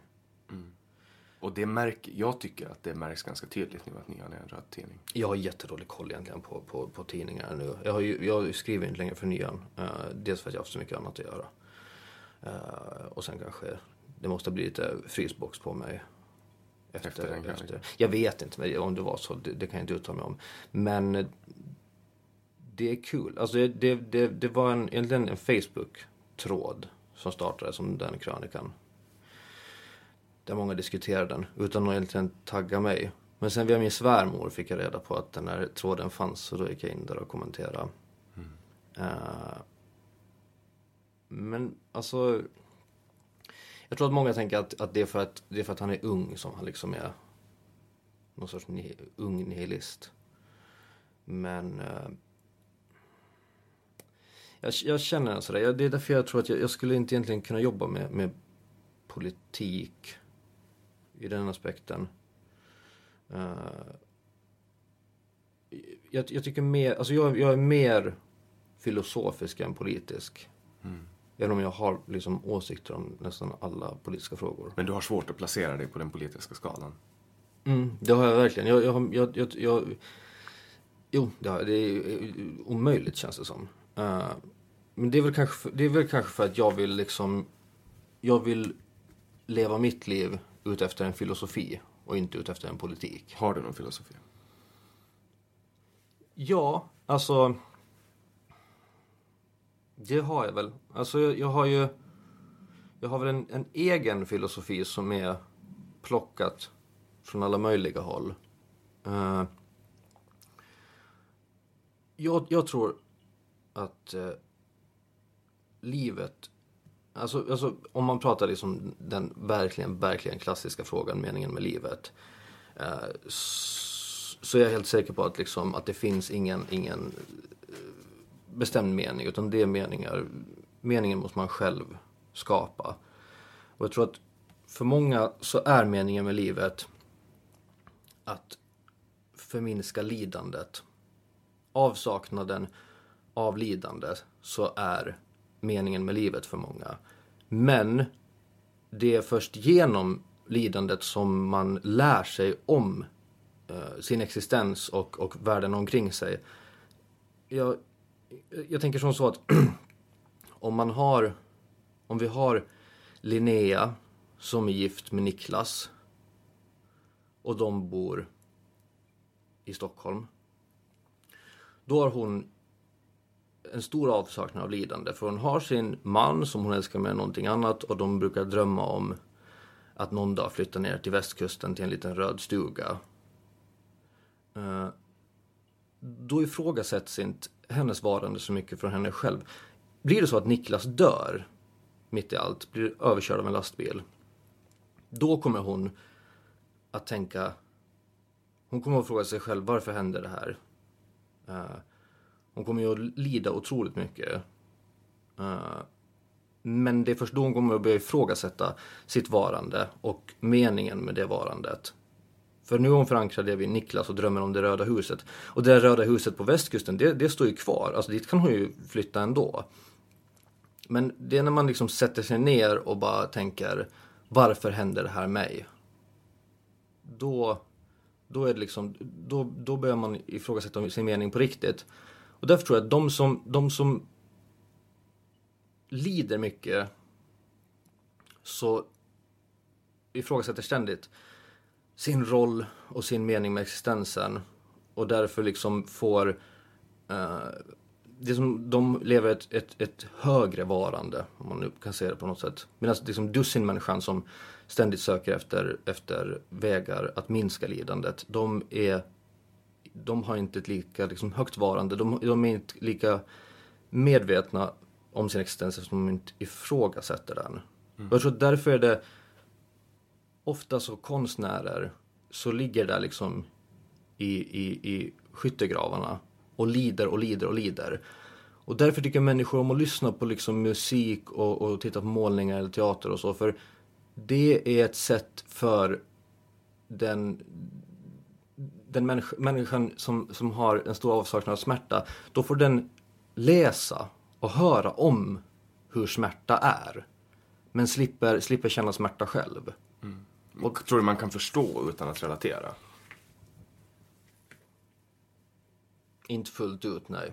Men det är som att för många räcker det att lyssna på någon som, som har väldigt mycket smärta, har varit med om mycket smärta. Lyssna på dens musik eller dens berättelser.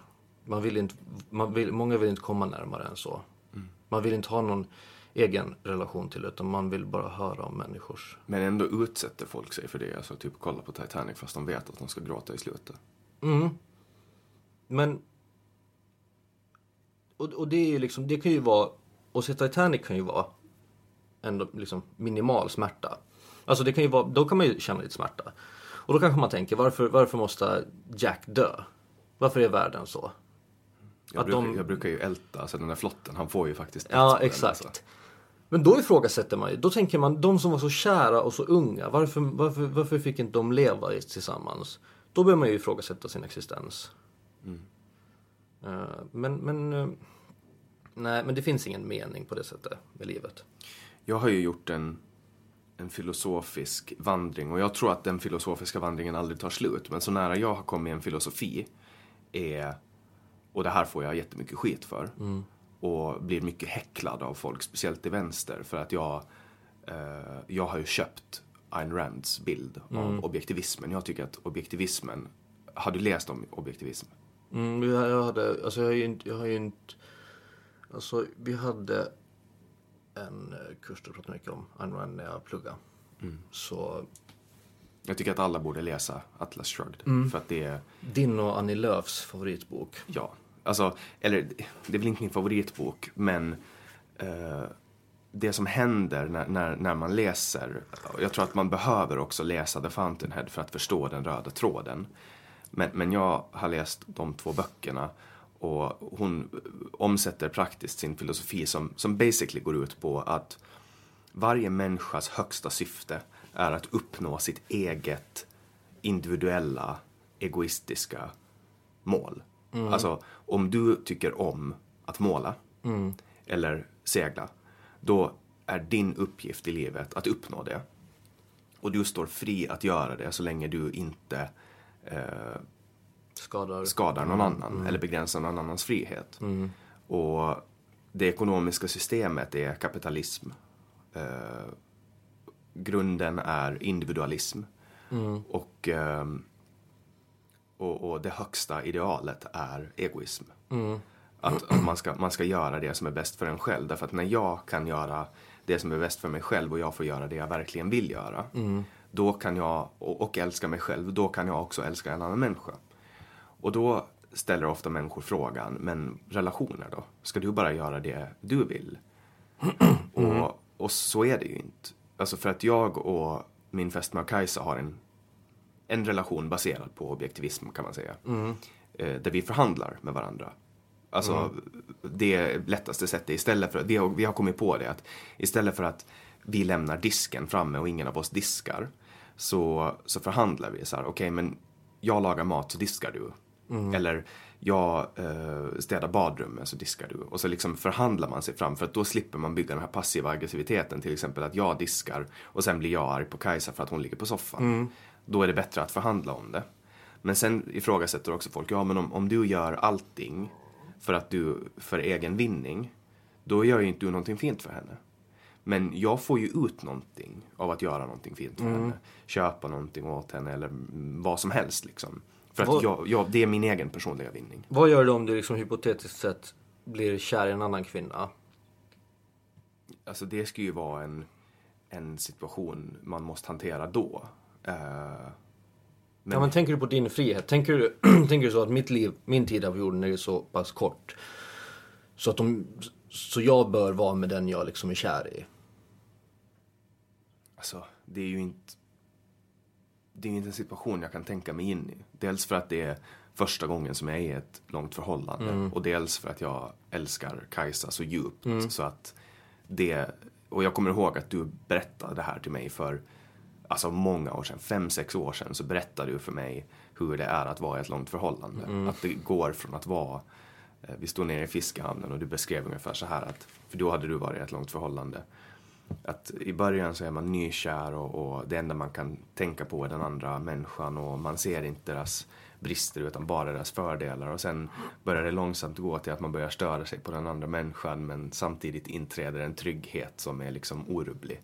Man, man vet, känner den andra människan på ett helt unikt sätt och jag har kommit in lite i det. Att, att jag och, och Kajsa lever i någon form av av eh, symbios. Och det finns ingen människa som, som jag känner bättre än Kajsa eller hon känner mig. Så att, att jag skulle bli kär i en annan, annan kvinna, det känns liksom... Det känns så far away liksom. Ja, precis. Nej, men jag tänker bara liksom att det, det ibland det kan nästan vara en filosofisk fråga. Att vi säger så här, ja men eh, jag tycker inte så mycket om min fru. Jag är sjukligt, sjukligt förälskad i en annan kvinna. Men nu är jag med min fru, för så ska det vara. Då tycker jag att man... då tar man ju inte tillvara på sin frihet. Nej, då är man ju altruistisk. Man, man lägger sin egen lycka på någon annan människas lyckas altare. Exakt, och det kan ju vara en, ens, ens filosofi också. Och det tror jag kan vara skönt. Alltså, eftersom du, du, du liksom pratar ju väldigt mycket om frihet. Och frihet känns som kanske det stöttepelaren i hela din politik och filosofi. Rätta mig om jag har fel. Men, men, men, det. men eh, jag vet ju också att, att eh, en filosof som heter Sören Kierkegaard, så han pratar ju väldigt mycket om att, att, att friheten är roten till all ångest. Att ångesten börjar man känna när man inser sin totala frihet. Eh, och han pratar också om att man är dömd till frihet. Och så tror jag också, alltså men, man, man börjar ju känna ångest när man fattar att Alltså vi sitter ju här just nu. Jag skulle kunna liksom gå ut genom dörren här, ta ut alla mina pengar på kontot, åka till Arizona, bo på gatan där, göra vad fan jag vill. Stå, stå i ett hörn i Winslow, Arizona. Ja, men och när, när, en... när man fattar att, att, liksom, att, man, att man har en ultimat frihet som människa och kan göra exakt vad man vill, det är då ångesten kommer. Eh, och därför, kan det därför är det ju jätteskönt säkert att vara ja, men, altruistisk eller så.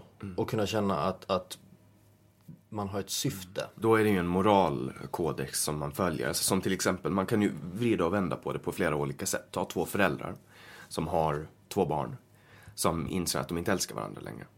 Då, då kan de antingen välja, för att det finns studier som, som visar att det är bättre för barnen att föräldrarna håller ihop. Det är mycket bättre för, för barnen. Och i, i slutändan för samhället. Mm. för att det blir mindre kostnader, högre och man kan mäta lycka så blir det högre lycka och större sannolikhet att de kommer att få bra relationer och så. Mindre sannolikhet att de blir missbrukare av droger eller kriminella eller på annat sätt utsätter människor för, för problem. Och det finns det studier på. Och sen finns det också den andra aspekten som är att ska man leva i misär kanske tio år till med någon man inte älskar? Ja, och det Eller tror jag väl också kan vara skadligt för barnen. Att liksom växa upp i ett hem där det ständigt bråkas. Men då finns ju också en, en mellanväg och det är att, att ö, låtsas vara tillsammans men ha ett öppet förhållande. Att man har ett förhållande med den människan och sen har man ett öppet förhållande där man har, Det känns som att det handlar så mycket om sex. Alltså, ja eller, eller dela intimitet i allmänhet. Det här är ju också en form av intimitet, att vi sitter lutade mot varandra och pratar. Och en intimitet som man kanske inte vill dela med alla. nej, Jag kan, jag kan tänka mig många som jag inte skulle vilja ha det här samtalet med liksom. nej. Även om du pratar med nazister och alla möjliga. Ja, men det gör jag ju för att jag anser ju att alla människor bör få höra vad nazisterna säger så att de själva kan bilda sig en uppfattning. För att jag tror inte på riktigt att det finns någon som lyssnar på det samtalet och hör bara, ja men han där låter som en klippskille. För att läser man media och ser vad de skriver om nazister, då framstår de ändå som på något sätt organiserade och re- resonliga. Eh, för, att, för att man får liksom den här stämpeln, alltså det berättas ur ett nyhetsperspektiv. Men lyssnar man på dem så hör man ju att han här är ute och cyklar på en enhjuling. Ja, det är väl där som många gånger kan jag känna att, att vänstern har ett problem. Alltså med att... Eh, ibland känns det som att, att många, många som lutar åt vänster vill ha en... Ge folk ett liv där man kan gå igenom livet utan att bli triggad. Och så, så kan man inte... Så, så levs inte ett liv. Det är ungefär som att ge en barn, ett barn en uppväxt utan att få i sig smuts. Då kommer man ut med ett ofullständigt immunförsvar. Så är det. Alltså du kommer att bli triggad och du kommer att, du kommer att ta illa upp av saker och du kommer att tycka att saker är stötande. Eh, men antingen så kan du välja att eh, utsätta dig för det och kanske lära dig hantera det. Eller så kan du också alltså, försöka skydda dig själv från det. Jag fattar inte folk som går på, på stand-up och sen skriver att de blev otroligt stötta och det det liksom var kränkande. Det, är så här, det, det, det går inte på sånt. Alltså så här, varför fan går du på en stand-up show och sen skriver liksom långa inlägg om hur kränkande den var? Det är liksom... Jag vet inte vad fan... Folk kommer ju inte hem till mig och, och så här. Det är som att någon skulle så här, stå utanför mig och jag hade öppet köksfönster och sen skrev Facebook att de blev så jävla stötta av det jag pratade om vid matbordet. Det är som om du kommer till ett, ett forum alltså där och till och med köper biljetter och sen blir kränkt. Uh... Jag, jag tror att det här, det här är ju ganska nytt. Alltså, för att när vi växte upp så hade man ju liksom den här betygsskalan. Man debatterar ju hela tiden betyg och man vill ju egentligen ta bort betyg. Så man ska inte liksom utsätta barn för att med betyg och hit och dit. Och alltså man liksom curlar folk igenom och sen kommer man ut i arbetslivet och så är livet som livet är. Att man liksom, man blir bedömd Ja. efter vad man kan producera. exakt. Det är ju ingen som kommer att sitta och ta hänsyn till ens speciella behov på en arbetsplats. Att man måste producera mer än vad man kostar. Så är det. Och, och, och det, det är väl liksom... Ja men det är ju livet. Och alltså, det är klart. Sen måste vi ha... Sen är det ju bra att man har bestämmelser kring liksom hets mot folkgrupp och, och sådana saker. För man, man kan ju inte liksom aktivt... Aktivt liksom vara ute efter att såra och skada människor. Absolut. Eh, men eh, det jag tror...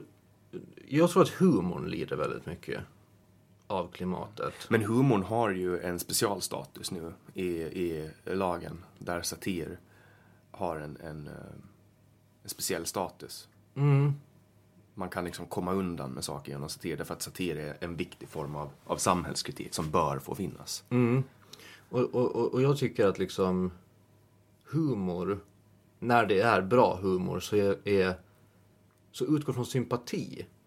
Och det är därför det är okej. Alltså, jag har, jag har liksom sett stand-up shower där de skojar om förintelsen. Och det är klart, det låter konstigt när man säger det. Jag ska ställa mig på en scen och skoja om förintelsen. Men det är sån jävla skillnad på om man vet att det är en person som inte tycker om, alltså så här. Jag vet att den här personen tycker att förintelsen var lika sjukt som jag tycker. Eh, så humorn liksom är stöpt ur sympati. Ja, alltså det, man, är man bara, bearbetar. det är bara humor. Skulle en förintelseförnekare och nazist ställa sig på en scen och skoja om förintelsen, då är det ju, inte, det är ju en helt annan sak.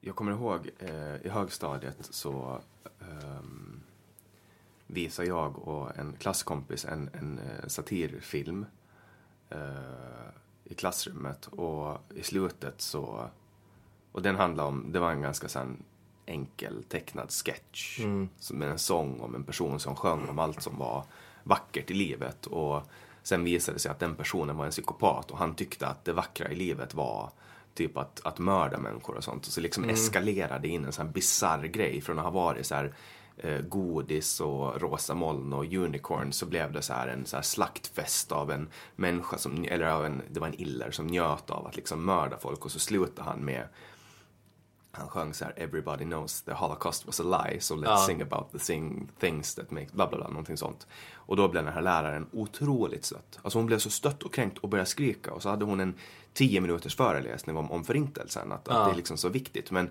vi visste, vi var ju så vi gick i sjuan, vi visste ju inte vad holocaust var och betydde. Nej. Så här. Alltså vi visste ju ingenting om det men, men på något sätt där så, så fick jag en, alltså jag fick inte möjligheten att själv bilda mig en uppfattning om eh, förintelsen. Därför att där fick jag åsikten in. Alltså, vi, vi var helt, helt oskyldigt tyckte att det var kul att, att det eskalerade på det där sättet. Och sen fick vi den här tillrättavisningen eh, om hur grovt övertramp vi hade gjort. Alltså vi blev ju otroligt skammade. Ja. Och vi fattade ingenting. Och någonstans där så ehm, så lärde jag mig att det finns en viss åsikt man måste ha för att vara populär. Och det här finns ju på alla sätt. Alltså, eh, rasistdebatten började ju bubbla upp för tio år sedan. När vi var små. För, alltså när vi var små, man fick ju, jag vet inte om jag vågar säga ordet nu, Tänker du n-ordet? n-ordet. Ja, det, Ma- det, sa man, det sa ju folk. Man sa ju det, till och med på SVT. Jag kommer ihåg när, när man inte fick, och nu i det här sammanhanget så kan jag säga det, när man inte fick, förut så, så, så hette det ju, när vi var små, så kunde man köpa godis, någon form av chokladbollar som hette negerbollar. Ja. Och så var det bilder på, alltså så här stereotypa, nästan som karikatyrbilder på afrikaner med stora läppar. Exakt. Och, och de hette negerkyssar. Och sen fick, och, och, och kokosbollar kallades för, för negerbollar. Och jag kommer ihåg, det här, jag måste ha varit, jag bodde på Nygatan, så det här måste ha varit eh, 2000, 2001. Eh, så, så gick de runt och gjorde så här, eh, SVT gjorde så här intervjuer med folk på stan, enkäter. Och frågade så här, en svart tjej, så här, vad, vad tycker du om att, ska man få se negerboll eller inte? Och, och så skulle de göra ett sånt inslag idag, alltså. Ja, det, det, det är ju otänkbart. Sen är det ju en jävligt konstig åsikt att ha att, man, att, folk, att folk som vill att man fortfarande ska kalla chokladbollar för det.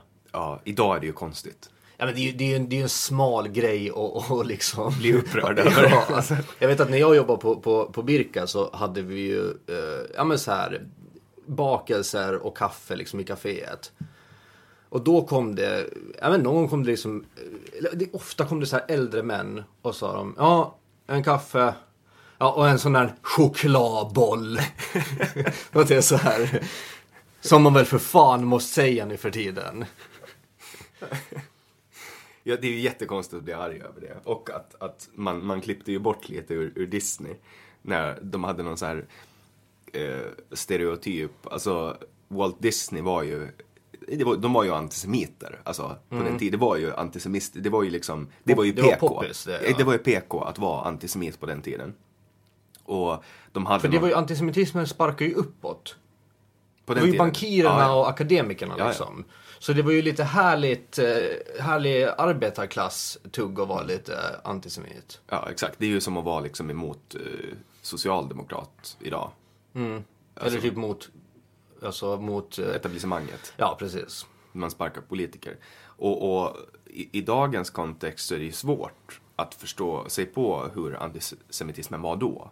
Sen att den ledde till förintelsen, alltså det är ju inte den enda, vad ska man säga, teorin som har lett till folkmord. Det finns ju massa andra.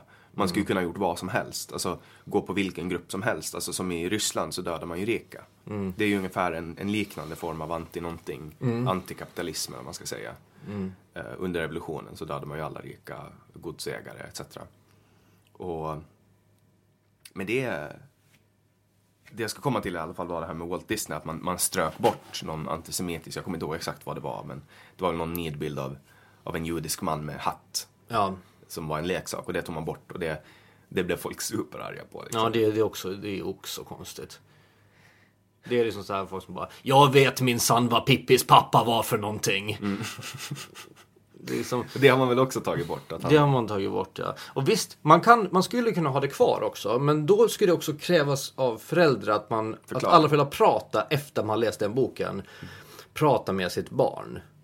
Det är så att man förklarar liksom, det här var på den tiden så, så tyckte man så eller tänkte Exakt. så. Och det För känns... samtidigt så är det ju, jag ser det som ett problem att man går in och ändrar litteratur retroaktivt. För det har ju varit okej i hur många år som helst. Men Mm. kanske är, det ett tecken på att vi har kommit längre. Eller så är det ett tecken på att man är rädd. Inte. Det är klart att allt är farligt med... Alltså, anledningen till att, att många tror att liksom Nietzsche låg bakom hela Hitlers... Eh, Hitlers äventyr. Så är ju på grund av ändring. Hans, Nietzsches syster ändrar ju liksom så jävla mycket hans litteratur efter att han dog. Och det skulle ju vara mardrömmen. Om min syster ändrar saker jag har skrivit. Så att, det var, så att det blev antisemitiskt. Ja, alltså. ehm, jag har ju läst mycket historiska biografier. Jag, hade en, jag hade en sån period där jag alltså, åt bi, bi, biografier liksom. Det känns som att du är bra på det. Jag läser alldeles för lite. Jag tycker att det är spännande, alltså speciellt slående är att läsa om Napoleon. Det finns ju så otroligt mycket böcker skrivna om Napoleon. Mm, ja, det är klart. Och, och han var ju liksom... Alltså... Jag vet inte hur man ska beskriva det, men det är någonting i hans person som bara liksom fångar en. Och Hitler är också intressant att läsa om. Man får liksom slänga sig in i en människas liv på något sätt och, och uppleva det. Alltså ner, nerkokat till några sidor, några hundra sidor. Och så får man uppleva leva hela deras resa. Och typ när jag läser om Napoleon så kan jag också... Man börjar heja lite på honom.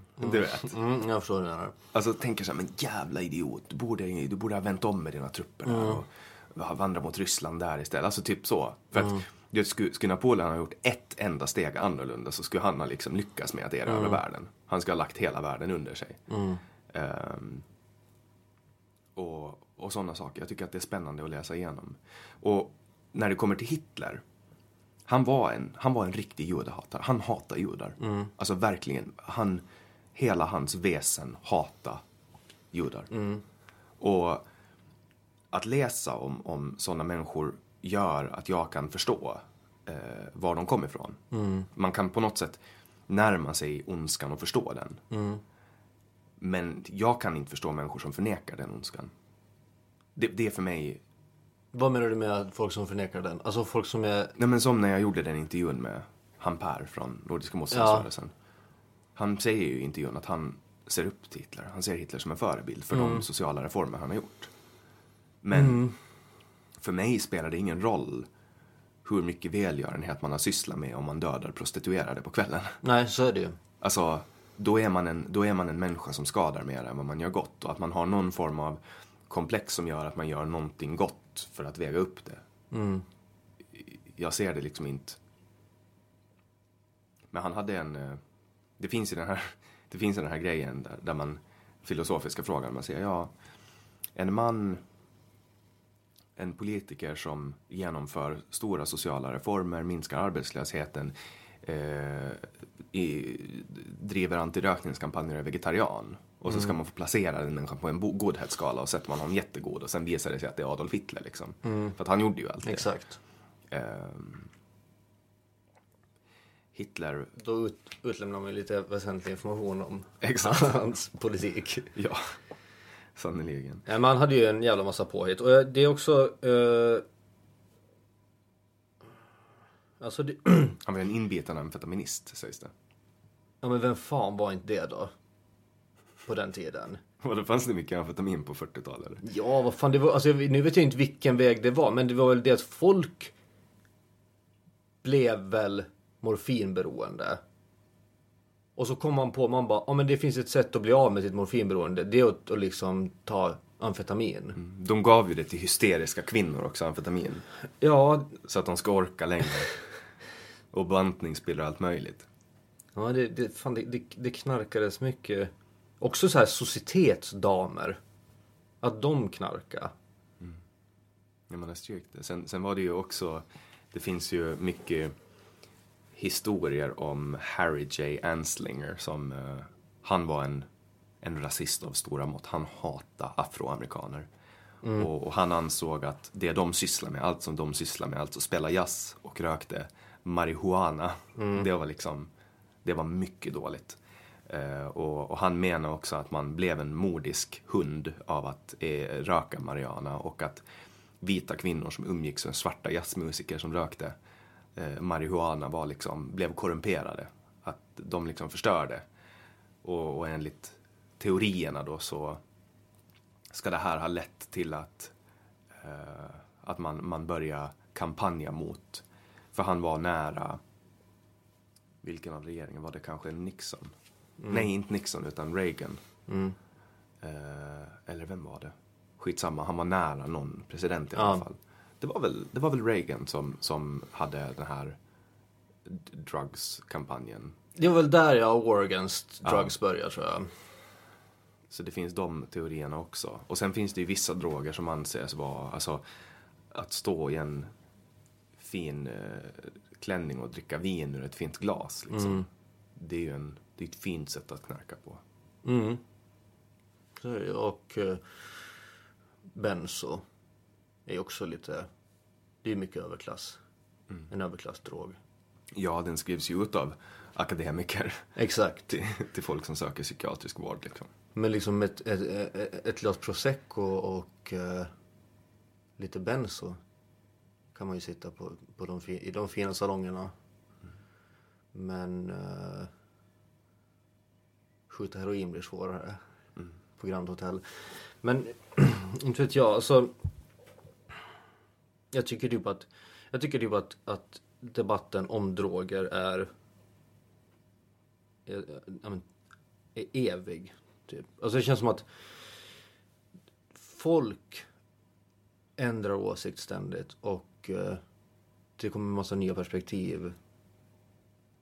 Jag, jag, jag känner, liksom, när det kommer till debatten om droger så kan inte jag ha liksom, en statisk åsikt. Det känns ju som att det är på väg att vända jättemycket nu. Alltså kolla på länderna runt om oss. Eh, håller på att ändra sin narkotikapolitik mot skademinimering. För att nu, har, nu börjar folk lyssna på de här stora, tunga organisationerna. Världshälsoorganisationen, Kofi Annan och alla de här som, som faktiskt har vänt i frågan. Jag har ju också vänt i frågan. Jag skrev ju min första insändare. Som Mm, det var, minns jag. och fan vad stolt jag var. Alltså, folk klappade mig på Jag minns att det ryggen. var en bild på en cannabisplanta, tror jag. Ja, eller om det var en Det var någon sån här dåligt rullad cigarett. stockbildskänsla. Ja. Och jag var så stolt och folk klappade mig på ryggen och jag blev inbjuden i styrelser och sånt för att jag, jag hetsade på kriget mot droger. Det var ju liksom människor som stod bakom mig och, och formade mig till det. Men nu har jag ändrat min åsikt där jag anser att man bör sätta fokus, narkotikapolitiken bör sätta fokus på de som far illa av narkotika. Eh, och, och att man ska hjälpa dem istället för att sätta fokus på alla som använder narkotika Ja. och, och slösa oändliga resurser på det. För att de flesta, majoriteten, 80%, 80-85% klarar ju av att hantera det här. Det är, klart, alltså det är ju synd att, att, att hålla på och lägga resurser på och, och jaga haschtomtar. De skadar ju i förhållande till ehm, andra grupper så får ju de väldigt mycket pengar lagda på sig. Det är ungefär som att, ett klassiskt exempel på Åland är ju att en skärgårdsbo kostar om man tar infrastrukturen och så delar man det per person så kostar de ju typ tio gånger mer än vad en stadsbo kostar. Ja. Och, och det är ju samma med personer som använder eh, cannabis kostar ju otroligt mycket jämfört med personer som använder alkohol. Och alkohol Men det är för att vi, vi har så beskattar alkoholen. Ja, dels beskattar vi den, men sen också kollar man till exempel på eh, de direkta skadorna som alkohol ska, alltså skapar. Eh, sjuka kroppar, misshandelsfall, eh, polisresurser, vaktresurser. Alltså, har du varit i Amsterdam någon gång? Nej. Jag har varit i Amsterdam och det som slog mig var att sent på kvällarna så behövs inte vakter där folk sitter och konsumerar cannabis. Men där folk konsumerar alkohol behöver man vakter. Och det säger någonting om graden av våld som utlöses av cannabisanvändning och alkoholanvändning. Och jag säger inte att cannabis på något sätt är bättre än alkohol.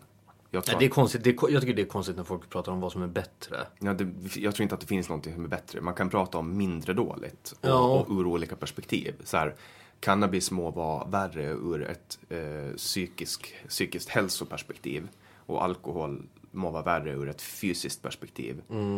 Eh, men samtidigt så köper inte jag det här argumentet. Man kan säga man kan inte eh, bara för vi har en laglig drog, vi ska inte ha flera. Jag tror ju att alla människor är indiv- individuella. Och att man kan liksom inte ha en universaldrog. För att vi vet ju att det finns folk som verkligen inte kan använda alkohol. Absolut. Som kanske skulle vara mycket bättre om de, om de, alltså det är människor som börjar slåss eller tafsa på tjejer eller eh, kör i fyllan eller, eller så. Be- Begår brott när de är fulla. Kanske man, det kanske skulle vara lugnare om de rökte cannabis istället. Om man ser det ur det perspektivet. Ja, jag fattar vad du menar. Men du, du, som, du med liksom din, din frihetsideologi. Vad, tänker du liksom om man tar de droger som växer? Alltså som är naturliga droger. Det är väl någon sorts frihet att all, alltså det, det måste ju ändå liksom gå emot nu sätter jag massa ord i munnen på dig så du får ju, du får ju säga ifrån. Men, men, men det måste ju, det, det går ju lite, alltså frihet under ansvar. om man utgår från det så är det ju jättekonstigt att säga att de här plantorna får inte ni använda. Jag tycker ju att det finns ju plantor som växer fritt. Som till exempel flugsvamp, Ja, som är livsfarlig. ja, Vi skulle kunna äta dem och det är livsfarligt, men de är inte olagliga. nej, Och den här är direkt farlig mot oss, men det finns ingenting som får oss att vilja äta den. nej. Sen finns det cannabis som växer i naturen, som är en av de plantor som är bäst på att föröka sig i världen. Och sättet den har gjort det är att knyta band till människan som ser till att den finns kvar och inte dör ut. Människan har cannabino- cannabinoidreceptorer i hjärnan som är mottagliga för någonting som enbart finns i cannabis, i den här växten. Och ur ett evolutionärt perspektiv så är det här ett sätt för växten att fortsätta finnas. Den har liksom genetiskt programmeras och evolutionera in i att istället för att vara jätteduktig på att sprida sin pollen eller vad nu växter gör så har den knutit ett band till människan som gör att människan vill ha den kvar. På samma sätt som eh, Harari skriver i, vad heter den, eh, den här boken? Eh, jag kommer inte på det nu, jag har tappat det helt. Men han skriver i alla fall att vete är den absolut härskande eh, rasen, eller man ska säga biologiska tinget som finns. För att det har liksom underka- alltså fått människan att underkasta sig oss, förstört våra ryggar och byggt upp samhällen för att kunna fortsätta se till att det finns vete. Och det finns ingen gröda som har varit mer framgångsrik än den. Kollar man på cannabis så har cannabis använt människan för att fortsätta leva. Genom att knyta ett intimt band till människan. Alkohol är ju snarare en biprodukt. Så alkohol är ingen naturlig drog. Den försätter oss inte i ett Nej, naturligt stadie. den är ju också, den är ju framställd. Den är framställd, ja. Och, och, och cannabis behöver ingen framställning precis på samma sätt som, som kokablad, eh, eller vad det heter, det man framställer heroin eller kokain ur. Ehm, att jag, jag tycker att det är underligt att till exempel amerikanska staten har patenterat eh, cannabis för medicinskt bruk och samtidigt säger att man inte får använda det som medicin när man är jättesnabb med att om man hittar någonting nytt som man tror att kan vara bra för medicinskt bruk, att man är jättesnabb med att kolla fördelarna med det och sen nyttja det. För mig, är- jag ser ett stort problem i att samhället jagar folk som eh, brukar cannabis. Därför att ehm, jag tycker att man bör revidera all lagstiftning. Mm. Men jag tänker så här. Jag får väl ha. Alltså jag får väl ha en vit flugsvamp och en påse arsenik i fickan. Absolut. Du får ha aceton, du får ha bensin. Ja, men Giftiga saker, farliga saker. ja. För vit flugsvamp är ju jättefarligt. Och arsenik också. Ja. Och, och, och cannabis eh, är i princip omöjligt att förgifta en människa med. Eh, Sen är cannabis skadligt för, för barn, för folk som är under 22. Eh, Överkonsumtion av cannabis, precis som allt annat, är fa- farligt och dåligt för den mentala hälsan. Eh, Men det finns ingen direkt skada som kan uppstå. Alltså du kan trycka ner cannabis i någons strupe och strypa folk och så. Men du kan liksom inte förgifta någon med cannabis. Du kan liksom inte röka för mycket, man somnar innan man har rökt för mycket. Ja. Men all- med förgifta, då alltså menar du att döda någon? Ja, Ja. döda. Alltså se till att kroppen slutar fungera på grund av att man har Okej, då, då förstår jag. Och... ehm, ja, alltså... Det, det, jag, jag ser det som ett problem att man nyttjar enorma resurser till att jaga folk som... För att jämför man det till exempel med heroin eller opiater i allmänhet som verkligen försätter folk i, eh, i en sån, ett sånt mentalt stadie att man eh, är beredd att råna folk med kniv. Till och med slå ihjäl folk för att ta deras opiater. Det är en direkt fara. Och där bör man jobba på ett helt annat sätt än vad man gör idag. Eller amfetamin som gör folk komplett, totalt oberäkneliga och livsfarliga. Eller designdroger som, som sätter folk i enorma paranoior där man äter upp sina egna kroppar. Alltså så helt, de, där bör man ha en helt annan, men, men jag tycker inte att man kan klassificera eh, cannabis som en, vad är det, schedule one drug, liksom som en av de farligaste drogerna som finns i världen. För att, för att så är inte fallet med cannabis. Cannabis är en växt som växer i naturen och när man håller på att behandla den som någonting giftigt då tappar man all trovärdighet och jag tror att det är farligt för ungdomar som blir nyfikna på cannabis, för människor blir nyfikna på cannabis. Så är det bara, det kommer vi inte att försvinna. Att har man samma klassificering på cannabis som ecstasy eller amfetamin eller heroin eller eh, vad som helst, då kommer man också att eh, kultivera en försäljningskultur som gör att, för att kollar man på marginalerna på cannabis, alltså risken för att åka fast är stor, det luktar väldigt mycket. Eh, volymen är väldigt stor på drogen. Eh, och den är farlig, den är, den är svår att smuggla, den är svår att odla eh, och marginalerna är dåliga. Så för att överleva på eh, att sälja cannabis så behöver man i princip sälja droger som luktar mindre, som tar mindre volym och som ger bättre eh, marginaler och som är lättare också att blanda ut för att kunna öka eh, förädlingsvärdet. Och det kultiverar eh, en kultur som gör att, att langare behöver sälja de här andra drogerna. Alltså blir cannabiskonsumenter som kanske bara är intresserade av cannabis av olika anledningar introducerade till tyngre droger. Och jag ser det som ett problem. På det sättet så finns gateway-teorin kvar. Alltså, och, på, det- på det sättet att det är inte så att man behöver ta en, en tyngre drog, men att man blir introducerad när man väl har börjat med cannabis. Förstår du vad jag menar? Ja, ja absolut. Jag tycker inte att man kan säga att cannabis är... Alltså man använder heroin och amfetamin i sjukvården varje dag och benzo varje dag. Det är de tre tyngsta drogerna som existerar. Och de, de har man erkänt att har medicinska...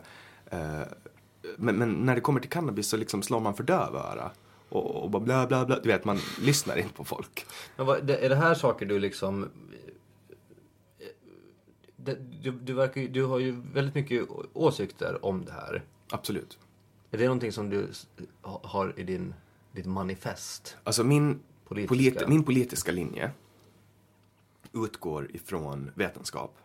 Eh, Man bör göra allting vetenskapligt och man kan inte baserat på ideologiska argument kasta sig in och göra en stor förändring. Eh, Vi bör som stat, och nu pratar jag om Finland, titta på, studera och forska kring de här sakerna före man, man gör någonting. Men jag erkänner vetenskapen kring skademinimering eh, som eh, mycket bättre än den eh, skandinaviska modellen som går ut på att stigmatisera och att man på 80-talet i Sverige kriminalisera eget bruk. Eh, det gjorde att flera människor började lida, kostnaderna började stiga och saker blev sämre. Jag tycker att man i första hand bör undersöka möjligheten att eh, avkriminalisera eget bruk som i Finland blev lagligt på 60-talet. Det är olagligt. Eh, för att då kan man börja lägga resurser på de 15 till 20 procent som lider av det här. För att eh, det är inte hemskt för alla som använder droger. Det är, inte, alltså, det är sanningen att alla människor mår inte dåligt av att använda droger. En del mår bättre.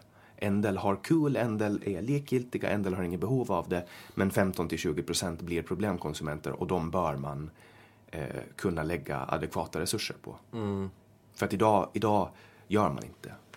Alltså jag ser människor som lider oerhört mycket av den narkotikapolitik som finns. Det funkar inte. Alla säger, alla håller med om att nollvisionen funkar inte. Nu, nu har du liksom fått mig att bekänna färg i den här frågan och många kommer säkert att bli avskräckta från det men jag, jag har ändrat det, åsikt. jag, jag tror att det, det jag tycker att det är mycket härligare med någon som, om man pratar om politiker som liksom Ja, men som, som, som, som bekänner färg i sådana här frågor. Det Jag- lättaste är att säga, jag vet, jag vet inte, jag har inte så mycket åsikter kring det. Ja, eller bara säga som den populära åsikten, vi ska kämpa mot droger, vi ska upprätthålla droger. Jag tycker att man... Klassiska svaret när det kommer till cannabis är ju att jag har prövat det men det var ingenting för mig. Så, ser, så, så ser ju typ alla kändisar som blir intervjuade så här. Ja, har du provat cannabis? Ja, en gång. Men det, det var ingenting för mig. Ja, Barack, Barack Obama, det blir ett jävla led när Barack Obama gick ut med att han har testat det. Men för, för mig är, alltså, narkotikafrågan är en av de, det är min hjärtefråga liksom. För att jag har sett så mycket missbruk, jag har sett så många av mina vänner dö, jag har sett så många få felaktig behandling och jag har ändrat åsikt.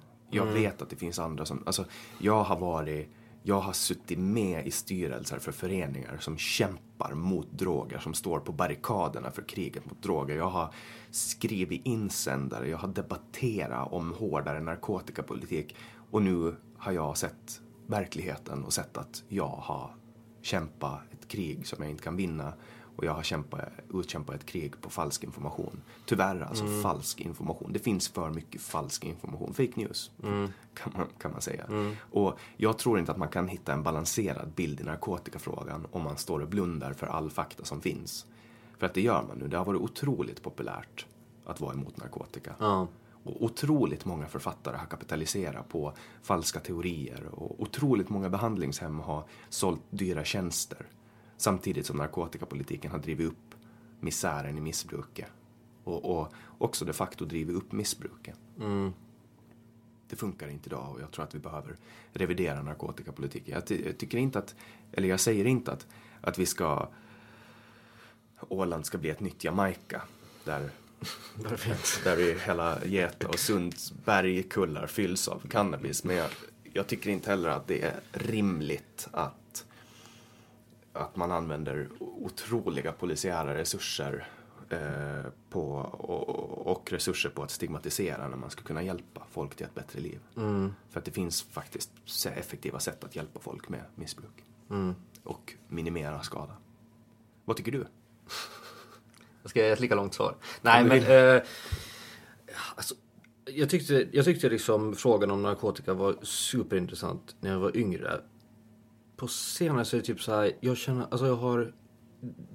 Den är ointressant för mig. Jag tycker det är intressant med liksom att så här, det börjar legaliseras mer och mer. Alltså cannabis. Och så är det intressant att typ stigmatiseringen kring cannabis bygger typ på rasism och klassförakt. Många, alltså, eh, som du berättade tidigare. Grunden är ju lagd på det. Ja, eh, och det tycker jag är superintressant. Men frågan om narkotika och narkotikapolitik så, så jag har tappat intresse för det. Faktiskt. Jag är så här... Mm, vet inte. Det är också så här... Jag ty- min bild av narkotika också ändras så mycket. För jag visste, när jag växte upp så visste man några få människor som hade prövat att röka på. och, de, och det var ju sjukt. Eller det var så här ja, konstigt. Nu är jag liksom, bor jag i en stad och i en bransch där liksom chefer på personalfester tar ecstasy för att bli lite skön. Mm. det sitter folk bredvid, bredvid uteplatsen där vi bor och, och röker gräs liksom så det luktar sött på hela innergården. Eh, så knark för mig nu är så mycket mer liksom, det är där. Alltså det, det, det finns där och liksom jag vet att jag är, är, kan vara ute liksom och dricka öl på krogen med, med, med eh, kollegor och sånt och de kan gå in på toa och ta vad de vill och så. Och så. Det, det, finns liksom där. Det, det är inte här... Eh, jag trodde ju typ, när jag var liksom, gick i lågstadiet så trodde jag att det inte fanns eh, knark på Åland. Jag trodde att det bara fanns i USA. Och det var typ så här att det var några bovar Bleka, hade... ben, bleka benrangel som gick runt. precis. Som hade liksom tagit knark och de var liksom som zombies. Så det är ju så här, man, man exponeras ju mer för det. Men, men så, ja, det är väldigt avdramatiserat för mig. Men rent politiskt, narkotikapolitiskt så har jag inte så mycket åsikter egentligen. Jag tycker också att det är tråkigt när unga människors liv förstörs på grund av politiken som förs idag. Jag tycker att det är tragiskt och sorgligt. Ja, det tycker väl nästan alla. Mm. Att det är sorgligt om unga människors liv förstörs. Eller tror du det finns någon som sitter i lagtinget som tycker att det är kul när unga människors det finns många som tror på nollvisionen. Och att tro på nollvisionen kommer också med baksidan av nollvisionen. Ja. Vilket är att människors liv kommer att bli krossade mot det här trubbiga vapnet man har byggt och står och slår med. Mm. För att det man gör är att man slår på människors naturliga instinkter att söka eh, förlösande i eh, olika substanser. Och, och, och, nu riktar vi iväg dem till en substans som är kanske den mest destruktiva av dem alla, vilket är alkohol. Mm. Ja, men alkohol har vi haft i många år. Ja, vi har haft en... Slavar hade vi också väldigt ja, länge och det funkar ju bra. Alltså för, för, de, ja. som, för de som slavägarna var det ju super. Ja, nice. för samhället i stort var det ju skitbra på den tiden. Ja, ja, arbetskraft liksom som, som uh, det enda som var mat och husrum liksom. Jag ser ju de som står för nollvisionen idag. De kommer ju att vara framtidens, de som vill ha att slaveriet ska fortsätta. Mm. Ungefär så ser jag det. Mm, det är intressant att tänka det liksom. Att så här, vad man kommer att säga till sina barn som var knasigt när vi växte upp. Mm. Ja men det är ju som det här med att du och jag kan prata om att det var knasigt att man fick köpa hur många drinkar som helst på krogen. Ja, precis. Och, och att så här, man, det som jag tänkte på igår var att jag hade bekanta som liksom, när vi var typ nio så åkte vi till kiosken och köpte remmar. Och någon kompis var så här, fem remmar och ett paket Marlboro röd till mamma. Mm. Och då så här, ja ja. En nioåring kan få köpa cigg om det är till liksom föräldrarna. Till mamma, ja. Ja, ja det, det, det kommer jag också ihåg att, att... Det skulle inte gå, det, ingen skulle tillåta det idag. Nej, verkligen inte. Och det är ju, det är ju så mycket som ändras så snabbt eh, i dagens samhälle. Och jag tycker att alltså ska, ska man vara född i någon tid så är det ju nu. Alltså vi har ju fått uppleva allt. Egentligen. Alltså, mm. Vi har ju kommit in, hela digitala revolutionen är ju en spiral. Och vi är ganska långt ner i botten på spiralen. Och använder man typ utrymme på USB-minnen som KPI för att mäta hur snabbt det går. Mm. Så när jag, eller när vi gick i femman så köpte jag ett 2 gigs USB-minne för 60 euro. Mm. Och... Jag såg att nyligen så, så äh, det är väl de här, dessa ständiga japaner som, jag inte alltid hänvisar till Japan när man har läst att det har hänt någonting, någonting nytt inom tekniken. Men då har de lyckats tillverka det första SD-kortet med en terabyte mm. på. Det är liksom, det är helt... Det är helt insane. Ja, man tänkte så här förr liksom att, att en gig kommer typ ingen så här pöbelmänniska att behöva liksom för det är så mycket. Jag kommer ihåg för 20 år sedan så, så förutspådde min farbror att framtid, i framtiden så kommer eh, datorer att vara, vi kommer att ha med oss våra egna datorer i fickan. Att vi bara kopplar upp oss på en skärm och en dator genom att stoppa in vårt USB-minne.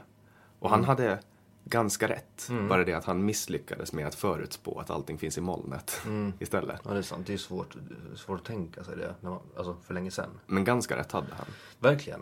Men, men ingen kunde ju förutspå smarttelefonerna.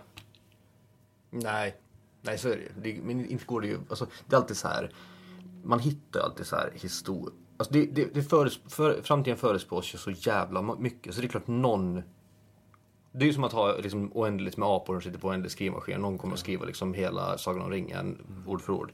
Och så är det också liksom, ofta läser man på nyheterna så här, "Ha- han här förutspådde smartphonesen och cloud-systemet redan på 60-talet. Och det är klart, någon jävel sitter liksom, eftersom vi har miljontals människor som försöker förutspå framtiden. Jag tror ju på en cyborg future där vi typ börjar operera in så här små högtalare i öronen. Så att vi kan du vet, prata i telefon. Vi har liksom opererat in ett headset eller något sånt. Och Google. Glasses och sånt. Jag tycker det är, känns skönt med folk som, har, liksom, som tror på att allt är en liksom, simulering. Ja, det, kan, det, det, det är ju faktiskt mycket större sannolikhet att så är fallet än att det inte är så. Jag, jag liksom själv tror inte på det, men jag tycker det verkar som en skön inställning att ha. Och ett argument som jag hörde, som, som om jag skulle vara om jag skulle vara av den tron, så skulle mitt favoritargument vara att så här. Någon förklarar för mig att, att uh, kolla på ett tv-spel som är gjort 85. Då var det typ det här pingpongspelet. Det var liksom svartvitt och det var några pixlar. Och så kollar du på senaste eh, tv-spelen nu. Eh, då har vi liksom på 30 år gått från svartvita prickar så här till liksom typ, vad heter det, Virtual reality. Ja, exakt. Och liksom sån jävla grafik så att man inte ens knappt ser om det är verklighet eller om det är liksom spel. Och det har vi gjort på liksom 30 år. Ge den utvecklingen en miljon år.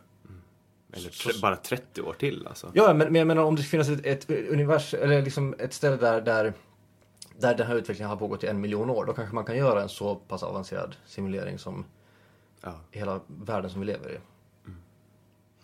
Och med det har vi närmat oss. Vi har överskridit tiden. Men jag tycker att det här samtalet har varit så...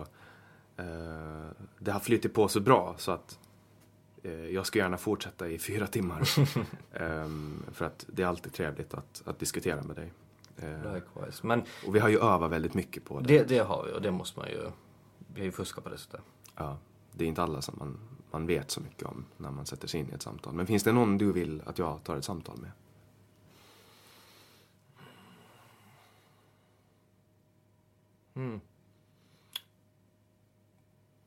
Ja, kanske... Jag vet ju heller inte exakt vilka du har, du har intervjuat, men... men uh, Heidi tycker jag skulle kunna vara... Heidi Henderson? Ja, precis. Ja. Eh, där har du ju massa... Jag känner henne lite smått och hon har ju pluggat så mycket också. Om miljögrejer och så. Så det kan vara, kan vara folkbildande. Det är flera som önskar henne så jag ska faktiskt rycka tag i henne. Mm. Det har varit lite svårt nu över sommaren att få tag på folk för att folk vill ta det lugnt. Ja, Men men det är klart. det har varit jättekul att ha dig här.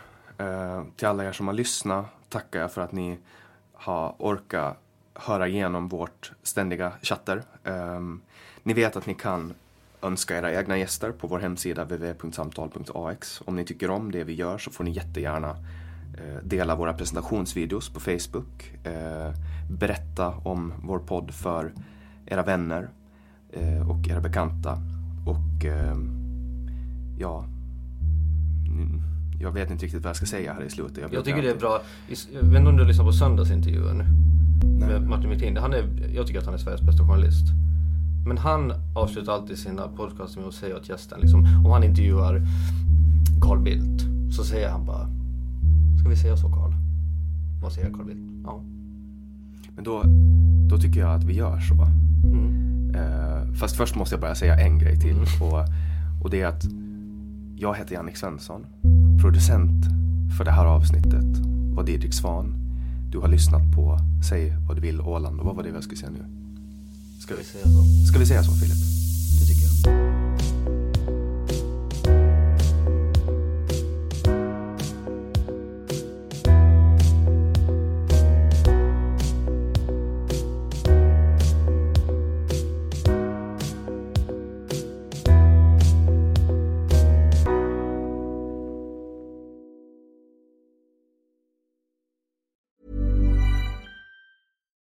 Deserves the best, and there's no better place to shop for Mother's Day than Whole Foods Market. They're your destination for unbeatable savings, from premium gifts to show-stopping flowers and irresistible desserts. Start by saving 33% with Prime on all body care and candles. Then get a 15-stem bunch of tulips for just $9.99 each with Prime. Round out Mom's menu with festive rosé, irresistible berry chantilly cake, and more special treats. Come celebrate Mother's Day at Whole Foods Market.